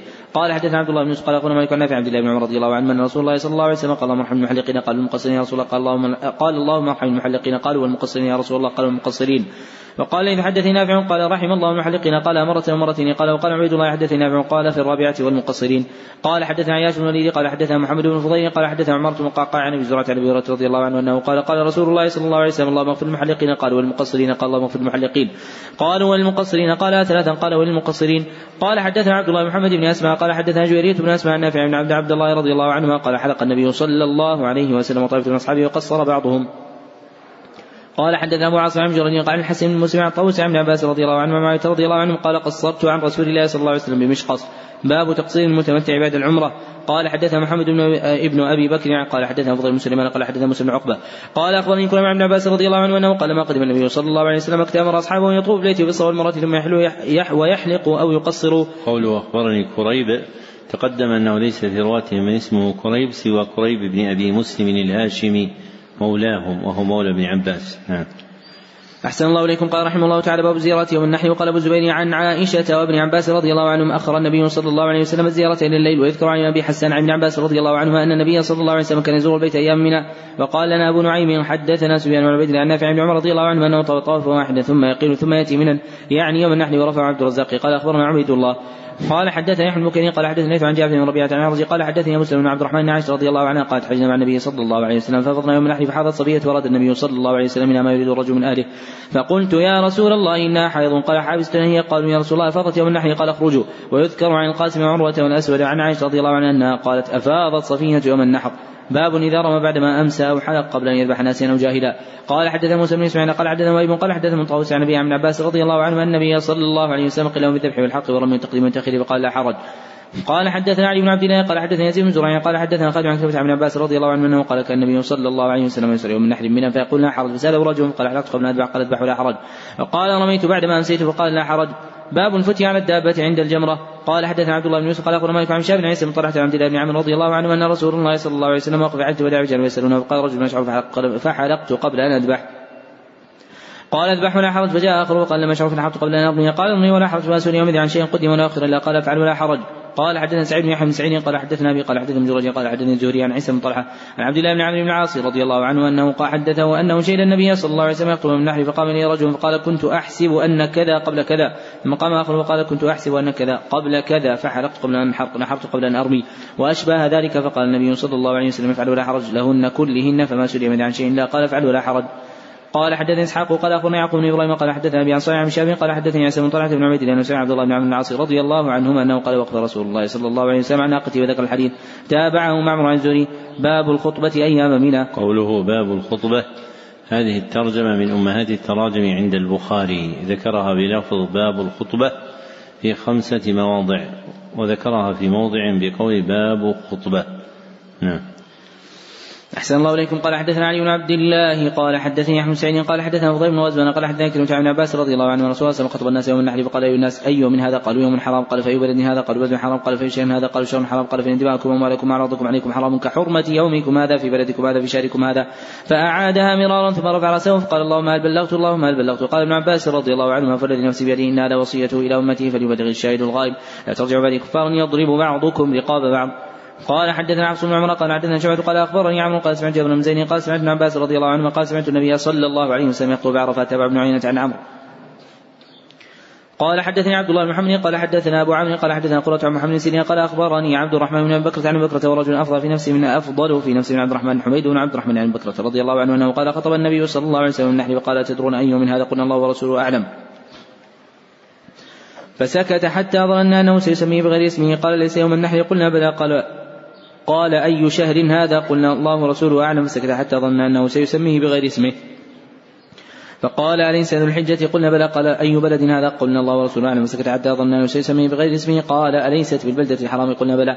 قال فإن دماءكم ومالكم عليكم حرام كحرمة يومكم هذا في شهركم هذا في بلدكم هذا إلى يوم تلقون ربكم ولا بلغ قال نعم. قال اللهم اشهد فليبلغ الشهر الغائب فرب مبلغ نوعا من سامع فلا ترجعوا بعدي فلا ترجعوا بعدي كفار. يضرب بعضكم لقاء بعض. قوله حدثنا قرة ليس في رواة البخاري من اسمه قرة سوى راو واحد هو قرة بن خالد السدوسي. نعم. أحسن الله إليكم. قال حدثنا محمد بن قال حدثني زيد بن هارون قال أخبرنا عاصم محمد بن زيد عن أبي عن أبي عمر رضي الله عنه أنه قال قال النبي صلى الله عليه وسلم من أين تدرون أي يوم هذا؟ قال الله ورسوله أعلم. قال إن هذا يوم حرام. أفتدرون أي بلد هذا؟ قال الله ورسوله أعلم. قال بلد حرام. أفتدرون أي شهر هذا؟ قال الله ورسوله أعلم. قال شهر حرام. قال فإن الله حرم عليكم دماءكم ومالكم وأعراضكم كحرمة يومكم هذا كحرمة يومكم هذا في شهركم هذا في بلدكم هذا. وقال هشام الغازي أخبرني نافع عن ابن عمر رضي الله عنهما أنه قال وقف النبي صلى الله عليه وسلم النحل بين الجمرات في الحجة التي حج بها فذكروا بهذا. وقال هذا يوم الحج الأكبر. فطفق النبي صلى الله عليه وسلم يقول اللهم اشهد ودع الناس. فقالوا هذه حجة الوداع. باب أن يبيت أصحاب السقايات أو غيرهم مكة ليالي يمينا. قال حدثنا محمد بن عبيد بن ميمون قال حدثنا عيسى بن يونس قال عبيد الله عن نافع بن عمر رضي الله عنه أنه قال رخص النبي صلى الله عليه وسلم قال حدثنا أحمد موسى قال حدثنا محمد بن بكر قال اخبرهم جريج قال أخبرني عبد الله عن نافع بن عمر رضي الله عنه أن النبي صلى الله عليه وسلم أذن.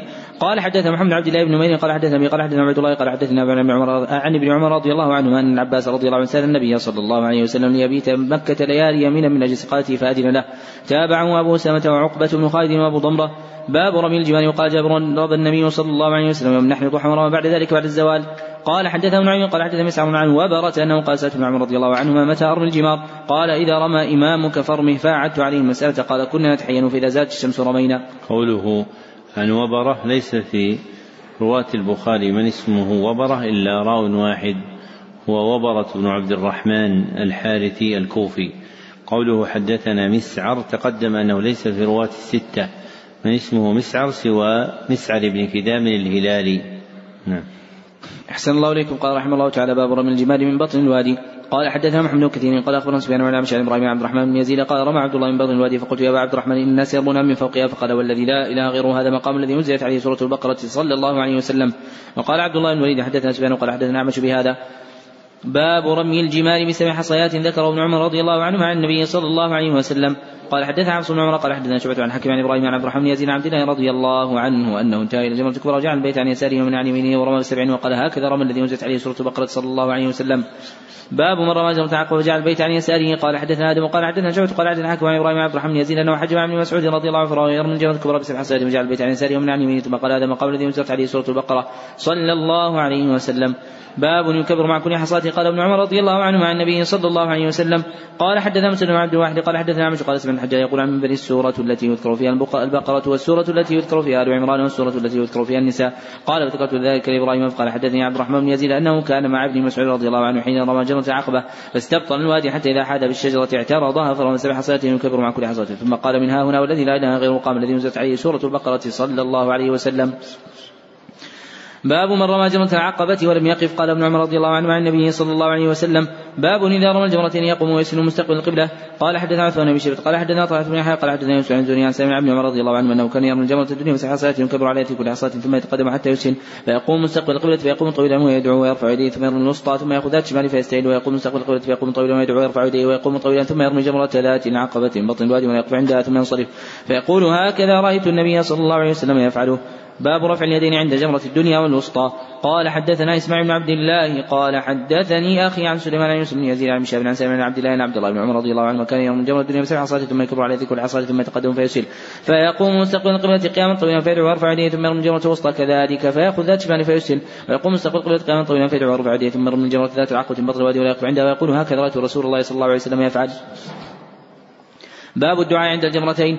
وقال محمد حدثنا عثمان بن عمر قال أخبرنا عن رسول الله صلى الله عليه وسلم كان يضرب من جمره للمسجد منى يرميها بسبع حصات وكبر كلما رمى بحصاه ثم تقدم ما فوق مستقبل القبلة رافع يديه يدعو وكان يطيل الوقوف ثم يأتي الجمره الثانية فيرميها بسبع حصات وكبر كلما رمى بحصاه ثم ينحدر ذات اليسار من الوادي فيقوم مستقبل القبلة رافع يديه يدعو ثم يأتي الجمره التي عند عقبة فيرميها بسبع حصات وكبر عند كل حصاه ثم ينصرف ولا يقوم عندها. قال الزهري سمعت سالم عبد الله يحدث مثل هذا عن النبي عن النبي صلى الله عليه وسلم كان عمره يفعله. قال باب الطيب بعد رمي الجبال والحق قبل الإفاضة. قال حدثنا ابن عبد الله قال حدثنا سفيان قال حدثنا عبد الرحمن القاسم انه سمع ابا كان أفضل أهل زمان يقول سمعت عائشة رضي الله عنها تقول طيبت رسول الله صلى الله عليه وسلم بيدي هاتين حين أحرم ولحله حين حل قبل أن يطوف وبسطت يديها. باب طواف الوداع. قال حدثنا مسدد قال حدثنا سفيان عن طاووس عن أبي عن عباس رضي الله عنه أنه قال أمر الناس أن يكون آخر عهد البيت الا أنه خفف عن الحائض. قال حدثنا أصبغ بن الفرج قال أخبر ابن أبي عن عمرو بن الحارث عن قتاده الناس مالك رضي الله عنه حدثه النبي صلى الله عليه وسلم صلى الظهر والعصر والمغرب والعشاء ثم رقد رقدة بالمحصب ثم بالمحصب ثم ركب البيت فطاف به تبع الليث. وقال حدثني خالد عن سعيد عن قتاده الناس مالك رضي الله عنه حدثه عن النبي صلى الله عليه وسلم. باب إذا حاضت المرأة بعدما أفاضت. قال حدثنا عبد الله بن يوسف قال أخبرنا مالك عبد الرحمن القاسم عن النبي عن عائشة رضي الله عنها أن صبية بنت حويين زوج النبي صلى الله عليه وسلم حاضت فذكرت ذلك لرسول الله صلى الله عليه وسلم. فقال حابستنا هي؟ قالوا انها قد أفاضت. قال فلا إذن. قال حدثنا ابن عمر قال حدثنا أحمد بن عن كلمة أن أهل المدينة أن أهل المدينة سالوا عباس رضي الله عنه امرأة طابت ثم حاضت قال لهم تم قال لهم تنفروا قالوا لا نأخذ بقولك وندع قول زيد. قال إذا قدمتم المدينة فسألوا فقدموا المدينة فسألوا فكان في من سألوا. أم سليم فذكرت حديث صفية رواه خالد وقتات عن كلمة. قال حدثنا مسلم قال حدثنا ويب قال حدثنا مطوس عن أبي عباس رضي الله عنه قال رخص الحائض أن تنفر إذا أفاضت قال سمعت ابن عمر رضي الله عنه يقول إنها لا تنفر. ثم سمعته يقول بعد إن النبي صلى الله عليه وسلم رخص لهن. قال حدثنا ابن عمر قال حدثنا معاونة عن مصنع إبراهيم الاسود عن عائشة رضي الله عنها قالت خرج مع النبي صلى الله عليه وسلم ولا نرى إلا الحج. فقدم النبي صلى الله عليه وسلم طواف البيت بين الصفا والمروة ولم يحل وكان معه الهدي وطاف من كان معه من نسائه وأصحابه وحل منهم من لم يكن معه الهدي. فحاضت هي فنسكنا مناسكنا من حجنا فلما كان ليلة الحصبة ليلة النفر قالت يا رسول الله كل أصحابك يرجع بحج وعمرة غيري يرجع بحج وعمرة غيري. قال ما كنت تطوفي في البيت ليالي قدمنا قلت لا. قال فاخرج مع أخيك لتنعم فإن بعمره ومعدك مكان كذا وكذا. فخرج مع عبد الرحمن لتنعم فهلت بعمرة. فأهللت بعمرة وحاضت صفية بنت حيين فقال النبي صلى الله عليه وسلم عقرى حلقة إنك لحابستنا أما كنت طفت يوم النحر قالت بلى قال فلا بأس انفري فلقيته مصعد على مكة وأنا منهبطة أو قالت أنا مصع أو قالت أنا مصعدة وأنا وهو منهبط. وقال مسدد قلت لا. تابعه جرير مع منصور في قوله لا. باب من صلى العصر يوم النفر بالأبطح. قال حدثنا محمد بن مثنى قال حدثنا إسحاق بن يوسف قال حدثنا سفيان بن عبد العزيز بن رفيع قال سألت أنس بن مالك رضي الله عنه أخبرني بشيء عقلته عن النبي صلى الله عليه وسلم أن صلى الظهر يوم الترويه قال بالمنن قلت فإن صلى العصر يوم النفل قال بالأبطح افعل كما يفعل أمراؤك. قال حدثنا عبد المتعال بن طالب قال حدثنا ابن قال أخبرني عمرو بن الحارث أن قتادة حدثه عن أنس بن مالك رضي الله عنه حدثه عن النبي صلى الله عليه وسلم أنه صلى الظهر والعصر والمغرب والعشاء ورقد رقدة بالمحصب ثم ركب البيت وطاب به. باب المحصب. قال حدثنا ابن عمي قال حدثنا سفيان عن هشام عن عن عائشة رضي الله عنها أنها قالت لما كان منزل ينزله النبي صلى الله عليه وسلم يكون أسمح لخروجه تعني الأبطح تعني بالأبطح. قال حدثنا ابن عبد الله قال حدثنا سفيان قال عمرو عن عطاء عن عباس رضي الله عنه أنه قال ليس التحصيل بشيء إنما هو منزل. نزله رسول الله صلى الله عليه وسلم باب النزول بذي طوى قبل أن يدخل مكة والنزول بالبطحاء التي بذي الحليفة إذا رجع من مكة. قال حدثنا إبراهيم المذيع قال حدثنا مضمون قال حدثنا موسى بن عقبة عن نافع عن عمر رضي الله عنه كان يبيت ذي طوى بين الثنيتين ثم يدخل من الثنية التي على مكة وكان إذا قدم مكة حاجة معتمرا لم اخلاقته إلى عند باب المسجد ثم يدخل فيأتي الركن الأسود فيبدأ به ثم يطوف سبعا ثلاثا ساعيا واربعا مشيا. ثم ينصرف فيصلي سجدتين ثم ينطلق قبل أن يرجع إلى منزله فيطوف بالنصر والمرة وكان إذا صدر عن الحج والعمرة ناقل البطحاء التي مثل الحليبة التي كان النبي صلى الله عليه وسلم ينيخ بها. قال حدثنا عبد الله بن عبد الوهاب قال حدثنا خالد بن حيدي قال سئل عبيد الله عن المحصب. فحدثنا عبيد الله عن نافع قال نزل بها رسول الله صلى الله عليه وسلم وعمر وابن عمر. وعن نافع بن عمر رضي الله عنهما كان يصلي بها يعني المحصب الظهر والعصر أحسبه قال والمغرب. قال خالد لا اشك بالعشاء ويهجع هجعة ويذكر ذلك عن النبي صلى الله عليه وسلم. قوله في الترجمة المتقدمة باب المحصب. المحصب اسم للأبطح. نعم. أحسن الله إليكم. قال رحمه الله تعالى باب من نزل بذي طوى إذا رجع من مكة. وقال محمد بن عيسى حدثنا حماد بن عيوب عن نافع بن عمر رضي الله عنه أنه كان إذا أقل بات بذي طوى حتى إذا أصبح دخل وإذا نفر مر بذي طوى ومات بها أو بات بها حتى يصبح. وكان يذكر أن النبي صلى الله عليه وسلم كان يفعل ذلك. باب التجارة أيام الموسم والبيع في أسواق الجاهلية. قال حدثنا عثمان بن هيثم قال اخبرهم جريج قال قال عمرو بن دينار قال ابن عباس رضي الله عنهما كان ذو المجاز وعكاظ مجرى الناس في الجاهلية فلما جاء الإسلام كأنهم كرهوا ذلك حتى نزلت ليس عليكم جناح أن تبتغوا فضلا من ربكم في مواسم الحج. باب الإدلاج من المحصب.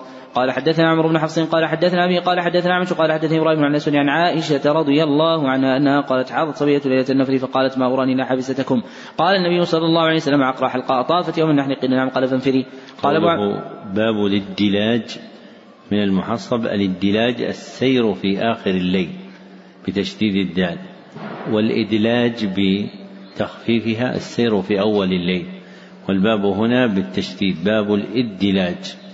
من المحصب يعني السير في آخر الليل. نعم. أحسن الله إليكم. قال رحمه الله تعالى قال أبو عبد الله وزادني محمد قال حدثنا محاضر قال حدثنا عمش عن إبراهيم الأسود عن عائشة رضي الله عنها قالت خرج مع رسول الله صلى الله عليه وسلم لا نذكر إلا الحج. فلما قدمنا أمرنا أن نحل فلما كانت ليلة النفر حاضت صفية بنت حيين فقال النبي صلى الله عليه وسلم حلقة عقرى ما أراها إلا حابستكم. ثم قال كنت طفت يوم النحر قالت نعم. قال فانفري قلت يا رسول الله إنما كنت حللت. قال فاعتمري من التنعيم. فخرج مع أخوها فلقيناه مدرجا. فقال موعدك مكان كذا وكذا. قوله حدثنا محاضر ليس في رواتهم من اسمه محاضر سوى هذا الراوي وهو محاضر ابن المورع الكوفي. محاضر ابن المورع الكوفي والمورع بضم الميم وكسر الواو مشددة وفتح الواو مشددة وكسر الراء مشددة أيضا. صفحة 171 في الحاشية حديث 171 نعم. أحسن الله إليكم. قال رحمه الله باب من نحر بيده. قال حدثنا سالم بن بكار قال حدثنا وهيب بن أيوب عن أبي قلابة عن أنس رضي الله عنه ذكر الحديث قال ونحر النبي صلى الله عليه وسلم بيده سبع بدن قياما وضحى بالمدينة وضحى بالمدينة كبشين أملحين أقرانين مختصرا. مختصرا يعني إيش؟ صفة للحديث يعني أنه هذا سياق مختصر. وهذه أحيانا المحدثون يريدون بها الإشارة إلى اختصار الحديث وأحيانا يشيرون بها إلى العلة. يقول هذا حديث مختصر يعني أنه لا يحفظ بهذا اللفظ وإنما اختصره بعض الرواة فغلط في اختصاره. وهذا آخر هذا المجلس الحمد لله رب العالمين وصلى الله وسلم على رسول محمد وآله وصحبه أجمعين.